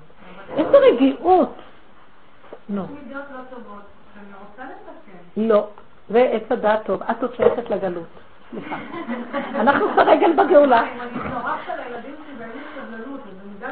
כאילו, אז תגידי ככה, אני צורחת על הילדים שלי, זה גרוע מאוד. למה? לי זה לא טוב. הילדים נפגעים ולי זה לא טוב. כי אני נהיית עצבנית, אני רחוקה מהאמונה. עכשיו, מה אם כן מצבי שאני צועקת? זה מה שאני צריכה להגיד בעולם. אבא, אני בגלות. שנים של חשקת הגלות, שנים של צבעים, לא מחונכים, כמה שלמדנו בדעת, כמה מוסר קראנו, כמה אנחנו רוצים לעשות ולא הולך לנו להתקדם כמעט כלום. בא הניסיון, אנחנו לא עומדים בו. אז ריבונו שלם, אל תלאה אותי בדעת יותר, זה סתם אחיזת עיניים הדעת. אני לא יכולה כלום, רק אתה הכל יכול. דווקא יביא אותנו למקום הזה שיראה לנו שאנחנו לא יכולים שום דבר על מנת להתגלות עלינו, כי אז ניכנע, ככה אסתר הביאה את הישועה, היא נכנעה. כן, אני לא יכול שום דבר, רק את הכל יכול. זה הביא את הישועה הכי גדולה. ואנחנו הולכים עם הקצת, אני עוד סותר, אני אתקן, אני לא יכולה לסבול את עצמי איך שאני, את מעריכה את הגלות שלה. תביני את זה. וכל העיקר של העבודה שלנו היום זה להשלים עם הלא יכול שלנו. תדעו לכם, קודם כל תדעו לכם, מאוד קשה בעולם החרדי להשלים עם החיסרון. כי אנחנו בתפיסה של שלמות הדעת, וזה מאוד מאוד קשה, ורבים חללים מפילה. בסוף נהדים נושרים, ואנשים חכמים וחשובים גם כבר לא רוצים להיות בחברה ובורחים. כתוב, החכמים מתמעטים ובורחים למדבריות. מה זה מתמעטים? הם נהיים קטנים בעיני עצמם, והם בורחים למקום שנקרא מדבר. לא יודעים, לא שומעים, לא כלום, אין דעת. כי זה המקום של ההישרדות הכי נכון וגילוי האמונה. אבל הטיפשים עוד נלחמים להיות יכולים. בבקשה. זה שיוורון לא נורמלי. זה מתח, זה לחץ, זה עצבים. זה כל הזמן אה, אה, אה, השוואות ותחרות, ואיך אפשר לעמוד בזה יותר? והילדים גדלים בבתים כאלה, את מתחרה עם הבעל, הבעל מתחרה איתך, הילדים מתחרים אחד עם השני, בתלמוד תורה מתחרים, כולם, הרבנים מתחרים אחד עם השני, והמנהל עם המפקחים, עולם של משוגעים. וכולם במתח וחרדה אחד מפני השני, ובעצם אין כלום, זה הכל דמיון אחד גדול. אז תגידו, זה לא משוגעות? אנשים, זה כמו שנקרא בגדי המלך ערום. אז אנשים, הם יהיו אותו ילד שעמד וצחק, בעצם אין כאן כלום. הם יהיו הראשונות שיודו ויפסיקו, כי אצלם זה ייגע בנפש ממש, כי אנחנו ממש על סף מאוד נמוך. אצל הגברים הם עוד בריחוף של דעת, ואנחנו ממש בלא הארי, אנחנו חיים את החיים מאוד קרוב למציאות, שהסכנה הכי גדולה, שנהיה משוגעים בסוף. אצלנו זה מאוד מוחשי הדבר הזה. צריך מאוד להיות. סכנה שלנו להשתגע, לקבל שיגעון, לקבל היסטריות ומחלות, לקבל דיכאונות, יותר מהגברים. כי הגברים רוכבים עלינו קצת, יש להם איזה מרחב אחר. הם לא נכנסים בחיים לעומק כמונו. אנחנו עומדים מול הנוער של הארי כל הזמן, זה הילדים, זה השטות של כל העולם, והתגובות והגירויים כל הזמן. ויש עלינו קללה יותר גדולה מהם, זאת אומרת, אכלנו יותר ולכן החולשות שלנו יותר גדולות. אנחנו בסכנה נוראית. מי שחי סכנתו יותר, זאת אומרת, יש לו יראת שמיים יותר, הוא נעצר יותר. תפחדו. אשרי אדם מפחד תמיד. אני תמיד אומרת, כשאת שומעת אישה, היא אומרת לי, איך כולה נראית על בעלה, ואז אני אומרת, תגידי, את לא מפחדת? אמא לי, אני מפחדת לשמוע אותך, תעזבי אותי, אני הולכת איתו, אני לא יכולה, את משפיעה עליי. אני אומרת, לא יכולה, לא לא עומדת, לא עומדת. אני עוד מעט תהיה גם כמוך תעזבי אותי. מה את רוצה ממני? אני ממחישה לה כמה היא נראית מסוכן. והיא מוכנה לבלוע את עצמה בכפה על כלום ולהשתגע כדי להתנצח. מה, אנחנו משוגעים? קרה לנו משהו. אבל הרבנית, מה קשור להרגיש את הסכנה כי בן אדם שחי את הסכנה, ממה הוא חי את הסכנה? שמישהו עכשיו, איזה, איזה ניסיון עומד בפניו, שזה מאחוריו עומד איזה שטן. אז הוא חי את הסכנה שילך אחרי השטן ולא אחרי הבורא. זה נקרא יראת השם. או אם אין יראת שמיים והרגוני, עוד מעט אני הולך למות על הדבר הזה. אז איפה השם פה? אני מורד במלכות שמיים באותו רגע, הבנתם? ברגע שנותן ממשות למישהו, בצורה רצינית, אני כבר נגד בורא עולם. אבל אסתר גם לא עשתה מעשה, היא לא היא כאילו קיבלה, אבל היא באיזשהו שלב הבינה שהיא צריכה לעשות איזה משהו מאוד אמיץ, כאילו היא לא, היא לא, יכלה לשבת ולהגיד, טוב, נגזרה גזרה, וכאילו לא, אסתר הלכה למלך כאילו היא כבר מתה. אסתר לא הלכה מתוך שהיא הלכה עם משהו. הוא אמר לה, אם את לא תלכי למלך, רווח והצלה יעמוד ליהודים במקום אחר, ואת ובית אביך תאבדו. אז היא הלכה כאילו כאשר עבדתי הבאתי. היא לא הלכה מתוך כוח בכלל, היא הלכה מתוך התפיסה של כלום. אני כבר מתה למעשה. היא כבר ויתרה על הכל, וכשהיא ויתרה על הכל, היא קיבלה את הכל. זה מקום מאוד טוב, בנות. אנחנו לא מוכנות לוותר, זה הבלאגן הכי גדול. תוותרו! כאילו, מה אנחנו כבר מחזיקים שיש לנו מזה? איך? כדי להגיע למקום שהיא תוותר. האגו שלה לא רצה לוותר. היא החלישה את הכוחנות, הבנתם? היא עבדה כדי להחליש את הכוח האישי שלה, שהיא עוד יכולה לעשות משהו. שימי לב, רק החולשה של הגוף והכל, וכבר אין כוח, בסוף נגיד, טוב, לא צריך. זה המקום של השלושה ימים, של הצום. אנחנו היום במקום של שלושת ימי הצום, אנחנו כל כך עוברים מצבים קשים שאנשים כבר, בעל כורחנו, הקדוש ברוך הוא מתיש אותנו ומכריח אותנו להיכנע. הוא מביא לנו צרה אחר צרה. אם היינו בעלי כוח הכנעה, היינו מהצרה הראשונה אומרים לו, אנחנו עקשנים, קשות עורף, וגם הגלות עשתה את שלה. וגם אנחנו מפחדים, אולי אני לא עושה נכון, בלבול, ספק, בלגן. אז בסוף העייפות מתישה, שאנחנו אומרים, טוב, מה שאתה רוצה לעשות. מה שיהיה. היום אנשים לא נמצאים כמו פעם באותו מצב. פעם, אני זוכרת לפני עשרים שנה, עשרים, שנולד איזה ילד שהוא היה עם איזה תסמונת או משהו, איזה בושה היה למשפחה. היום כבר כולם הולכים עם המצבים האלה, מה נעשה? היו מסתירים, היו מפחדים, מה יהיה, יגידו למשפחה איך נחתן, איך... היום זה מצב ידוע, כבר הולכים עם זה בגלוי, אין כבר כוח לשום התנגדות, השם מכריח אותנו עם המצבים האלה להכנעה. אם היינו יודעים להתנדב בהכנעה, לא היה מביא את המצבים האלה. אין לקדוש ברוך הוא עניין לייסר אותנו סתם. הוא פשוט אין ברירה, רק להכניע אותנו בצורות האלה, כי אנחנו לא מוכנים להיכנע. דבר הכי קטן, תלמדי להיכנע, בנות. שלא יביאו דברים יותר גרועים. מי שיש לו יראת שמיים מפחד. מפחד, מפחד. כל הזמן אומרת, לא, לא, בואו, אם אני אתערב קצת, אני אומרת לעצמי, אם את תיכנסי משהו ותתערבי פה בוויכוח, תזהרי אחר כך מה יהיה. אם את רגע תרימי ראש, תחשבי, אוי, איזה יופי זה, אני עשיתי, תזהרי מאיפה יבוא לך המכה הבאה. ראש באדמה, אבא, זה הקול שלך, תודה, לא שייך לכלום. אני הידיים והרגליים שלך כך. אני הצינור, תעשה מה אתה רוצה דרכי. לי אין כלום פה, אין לי בעלות על שום דבר. ואין לי אחיזה בכלום ולא שייך לי כלום. ואני בנפש נכנסת למקום, אני, אני משתפת אתכם ממש בתור חברה לעבודה. אז חייב להגיד שאין לי קשר אפילו אישי, קשר אישי שקשור לילדים. כאילו אני מרגישה שאני לא קשורה לילדים, גם לבעל לא, לכלום. ואז אני אומרת לו, בורא עולם, אני מנותקת בפנים, מה זה? הוא הוציא לי כזאת תפילה, איפה שאני מנותקת, אתה תחבר. לא אני מחברת את הבית. ואת לא מבינה איך שהם מתחברים אליי, כאילו, מה עשיתי להם? מעריצים? מה? לא עשיתי כלום. אני לא עושה שום פעולה של חיבור, רק של הפחד שמא אני אלך על חיבור של טבע, השתדלות בטבע להתחבר, תן להם, אעשה להם, יאהבו אותי. ואני צועקת אליו, והוא מחבר! הוא מחבר! אז לא יודעת איך. אף פעם בני לא הריץ אותי כמו עכשיו. אבא זה אתה, אבא זה אתה. החיבור הזה זה גם עזרה בבית, והשתדלות. הכל זה לא יאומן. כמה הייתי מבקשת ממנו עזרה ולא היה... וכמה הייתי אומרת לו, וזה קרה ואומרת, ונעשה, נולדת אצלי, כלום, לא עובר. הילדים, הילדים. אני רואה דבר אחד, בלי כלום. עזבתי את המהלך הזה, ואני רק אומרת, הוא מעריץ אותך ואת מרגישה מרותקת ממנו? רגע, אז אני מבקשת שלא- יקליטו את זה. אני אגיד לכם דבר, אחד מאוד עמוק. כל הקשר הקודם של הטבע מתנתק ונכנס הרחמים של בורא עולם. היום יש לי אליו מין חיבה של רחמים שאינם תלויים בדבר. השם נותן לי רחמנות אליו לא נורמלית. אני דואגת לו מה לא חשבתי לדאוג לו, היה עצבן אותי, לא הייתי דואגת. קבל ממני גם ארוחה? לא, זה נהיה מצב שבלי חשבונות. את התפקיד שאני צריכה לעשות מצד מה שהתורה אומרת לי, זה בורא עולם, זה לא ממני. אז הוא אומר לי, את עזבת את הטבע, באת אליי, אני אסדר לך את הטבע. אני נכנסתי בטבע.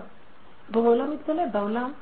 קודם איך אנחנו חיים, תעשי ככה זה ככה, תעשי ככה, חשבונות רבים כל הזמן, ואהבה שתלויה בדבר, וחשבונות שתלויים כל הזמן.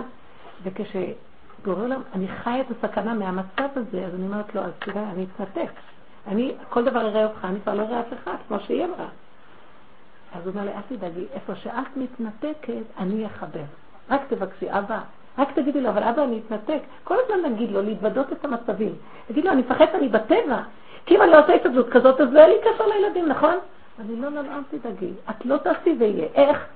זה בורא עולם. הנה הוכחה שיש בורא עולם. זה לא טבע בורא עולם. הבנתם? זה ההוכחה שיש חי וקיים. אמונה מתגלה אמונה כזאת, את לא עושה כלום בטבע, והכל נהיה כאילו מה... את כן עושה משהו בטבע, את נזהרת לא להיות בטבע. ולהעביר את הטבע לבורא עולם. על כמה גורמת לך לא לדבר, נכון? איך? השנייה, הדקות האלה שאת מלכה את עצמך, גורמות לך לא לדבר איתו, נכון? זה כי את לא... אומרת עכשיו שאת מתנתקת, ובאמת את קוראת מה זה אני מתנתקת? אני אומרת, אל תגיבי בטבע, אל תלכי, בת- אל תתווכחי. תביני שיש לו את הטענה שהוא אומר, ככה הוא רואה את זה לשיטתו, את רואה את זה אחרת, אל תתחילי לשכנע אותו כך או כך. אם את כועסת עליו שהוא אומר ככה, זאת אומרת שאת לא נותנת לו את חופש הבחירה. אני מדברת עם עצמי. את לא נותנת לו, מותר לו רק ככה לחשוב ולא ככה. למה? שיחשוב ככה ואת תחשבי ככה, וכל אחד יכבד את השני, וכל אחד יהיה קשור לבורא עם הנקודה שלו. והשם יחבר ביניכם איש ואישה זכו, שכינה ביניהם. אל תפריעי למהלך הזה.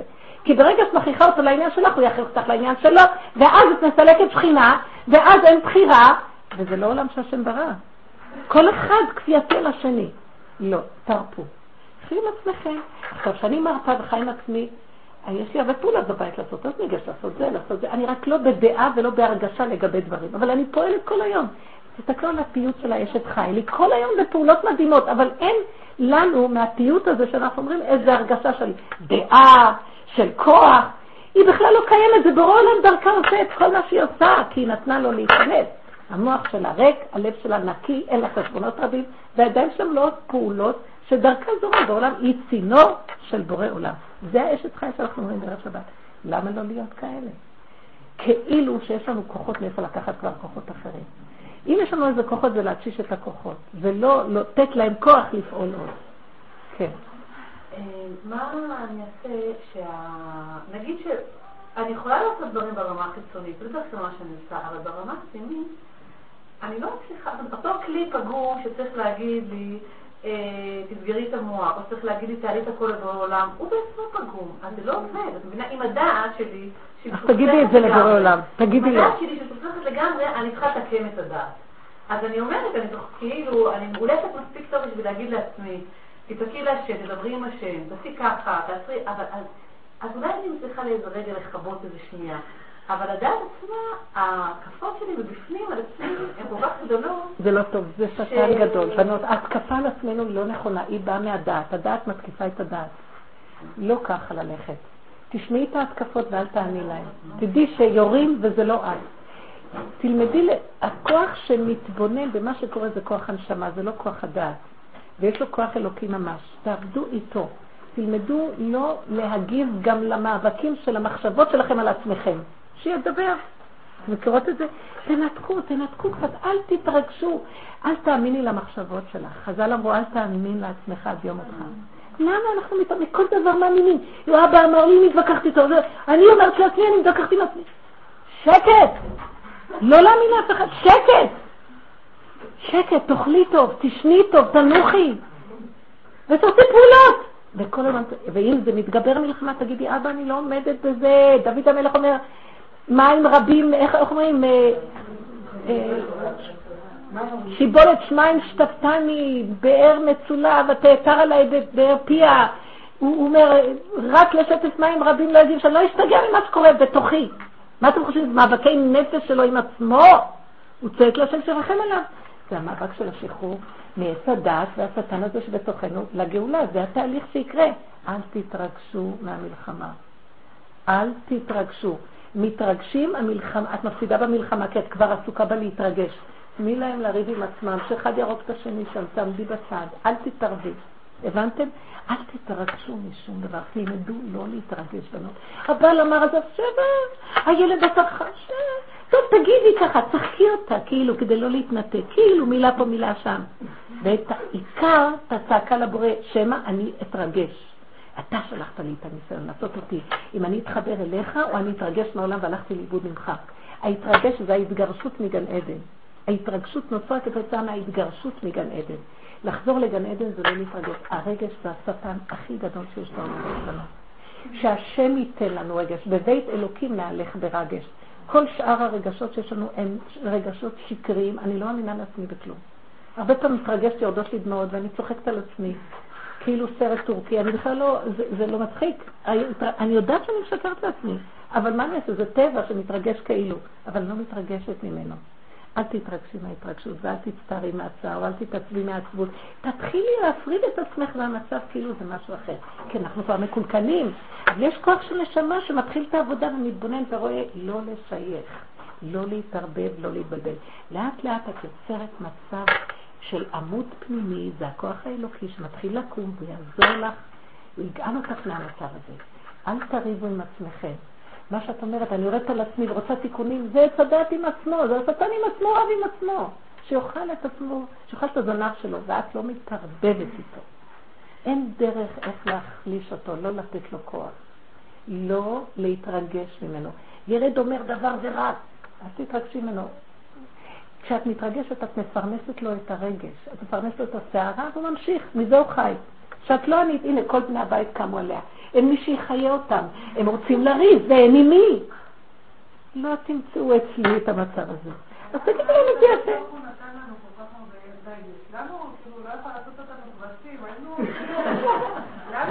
הוא לא נתן לנו, מתוקה שלי, זה אנחנו, זה חטא הדעת, הוא לא נתן לנו את זה. הוא לא נתן.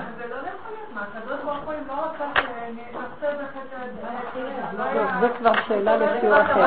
כרגע חטאנו ויש לנו רגש. הרגש הזה זה גנוב מהרגש האלוקי. צריך להעלות אותו להיות אלוקי. כמו שהיראה צריכה לעלות לאלוקות, וכן כל דבר אחר. צריך להעלות את זה. איך שזה עכשיו, זה לא מעובד. זה הקליפה של הדבר. צריכים להפסיק, לא להזין אותו, ואז הוא יהיה רגש אלוקי. הרגש הוא טוב, הוא עולם היצירה.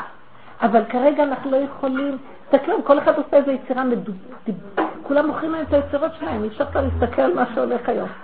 את מבינה, זה, אין רמה. כי כל אחד מאמין בקליפה של הדברים, וככה זה נראה. לעצור, לסגור, ולהתחיל להיות ניזון מכיוון אחר. ואז יהיה לנו אלוקי. ההשלמה... איך? שכל ניסיון, גם אם אנחנו עושות את המהלך הזה של עצמנו, אז צריכות עוד פעם, נסדר את אותה נקודה על איזשהו מאגר, להיכנס למאגר כוח האלוקי. לא, אני לא מעצימה, את מדברת עכשיו בדברים של עץ הדעת, כמו הפסיכולוגיה שלהם, איך את מעצימה, איך את מגשימה את עצמך, הפוך על הפוך. אני מקבלת את עצמי איך שאני, אני חסרת ביטחון, אומרת לו, אבא, אני חסרת ביטחון, מתה מפחד, אני כל הזמן רק מתוודה את חטאותיו. אני במצב של כיפורים, עוד מעט יהיה לי פורים. כיפורים, קודם לפורים, כיפורים. איך? הרבי מדבר שברגע שאת עושה את העבודה הנכונה, בונה לעצמך עולם פנימי חזק. כן, אבל זה תהליך, זה תהליך. את מבררת את עצמך, את מתחברת כל הזמן לאמת. נכון. נכון? נכון. כל הזמן מבררת את השקר. נכון. אז המקום הזה של האמת, של השלווה, של המקום של ההתחברות עם האור האלוקי, אז את, רצה אחרי התוצאה, אני בתהליך. תישארי בתהליך. מה עכשיו רוצה? אור אלוקי, אמת, כלום. אני לא באמת, אני אוקיי, בראיית הפגם. זהו. ראיית הפגם זה הדיבור לבורא. זהו, תישארו שם. הרבנית עובדת שנים בדרך הזאת? כן.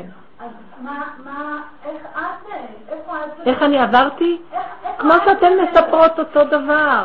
בהתחלה, קודם כל הדיבורים והאמת ששמעתי אה, אה, הרשימה אותי מאוד. מה? ואחרי זה התחלתי להתבונן בשקרים שלי, ואז אחר כך נהיה לי שיוורון, איך אני נראית, האגו נשבר. ועברתי מהלך של מלחמה עם אותו אגו, לא לשבור אותי. ועד היום, זה לא דבר שהוא מוחלט, זה רצו ושוב וכל הזמן, אבל, אבל תוך כדי, מה שמעניין בעבודה הזאת, עצם התהליך בכיוון של העבודה כבר יש בו אור אלוקי. כי אחרת תעזוב את זה ונברח, למה אנחנו ממשיכים לבוא לשיעורים? זה לא קל. כי אז את מרגישה בתהליך של העבודה כבר עזרה משמיים. ומתיקות יותר גדולה. היי, זה קשה, אבל לפחות יש לי תכלית הרבה יותר גדולה משאר הדברים האחרים. ואת רואה את התוצאות לאט לאט, וזה נותן חוזק הלב. דבר אחד את רואה? חוזק הלב. את לא מתרגשת כבר מכלום. מה קרה? אני לא באתי כאן לעולם כדי להתחתן עם בעלי, באתי להיות קשורה עם הבורא, וחוץ מזה אני נשואה לבעלי. חיים נראים אחרת. עכשיו שכינה מחיה את הקשר הזה. כי איך נחיה פה עם היועצים, עם הפסיכולוגיות? זה כבר לא נורמלי, זה לא עוזר כלום, סתם המון כסף. אני מזכירה, או כאילו חושבת שאני דומה, שבגיל שלי היית כמוני. לא כמוני, אני כאילו... אני לא רק כמוך, כמו כל המקולקלים הכי גרועים בעולם. כל המקולקלים במקום הזה. תודה.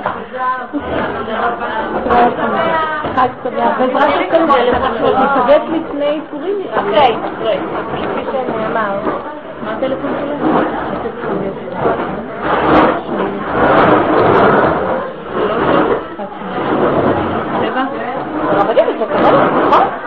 מקבלת שיחות של תלמידות? זה קורה. זה ממש אה, פה ושם מילה, כי שיחות ראינו כבר פעם. כן, נוכחת, כן. תודה, כל שיעור. אמן, והרבנית. אה, זה נשמע לי אני אמסור.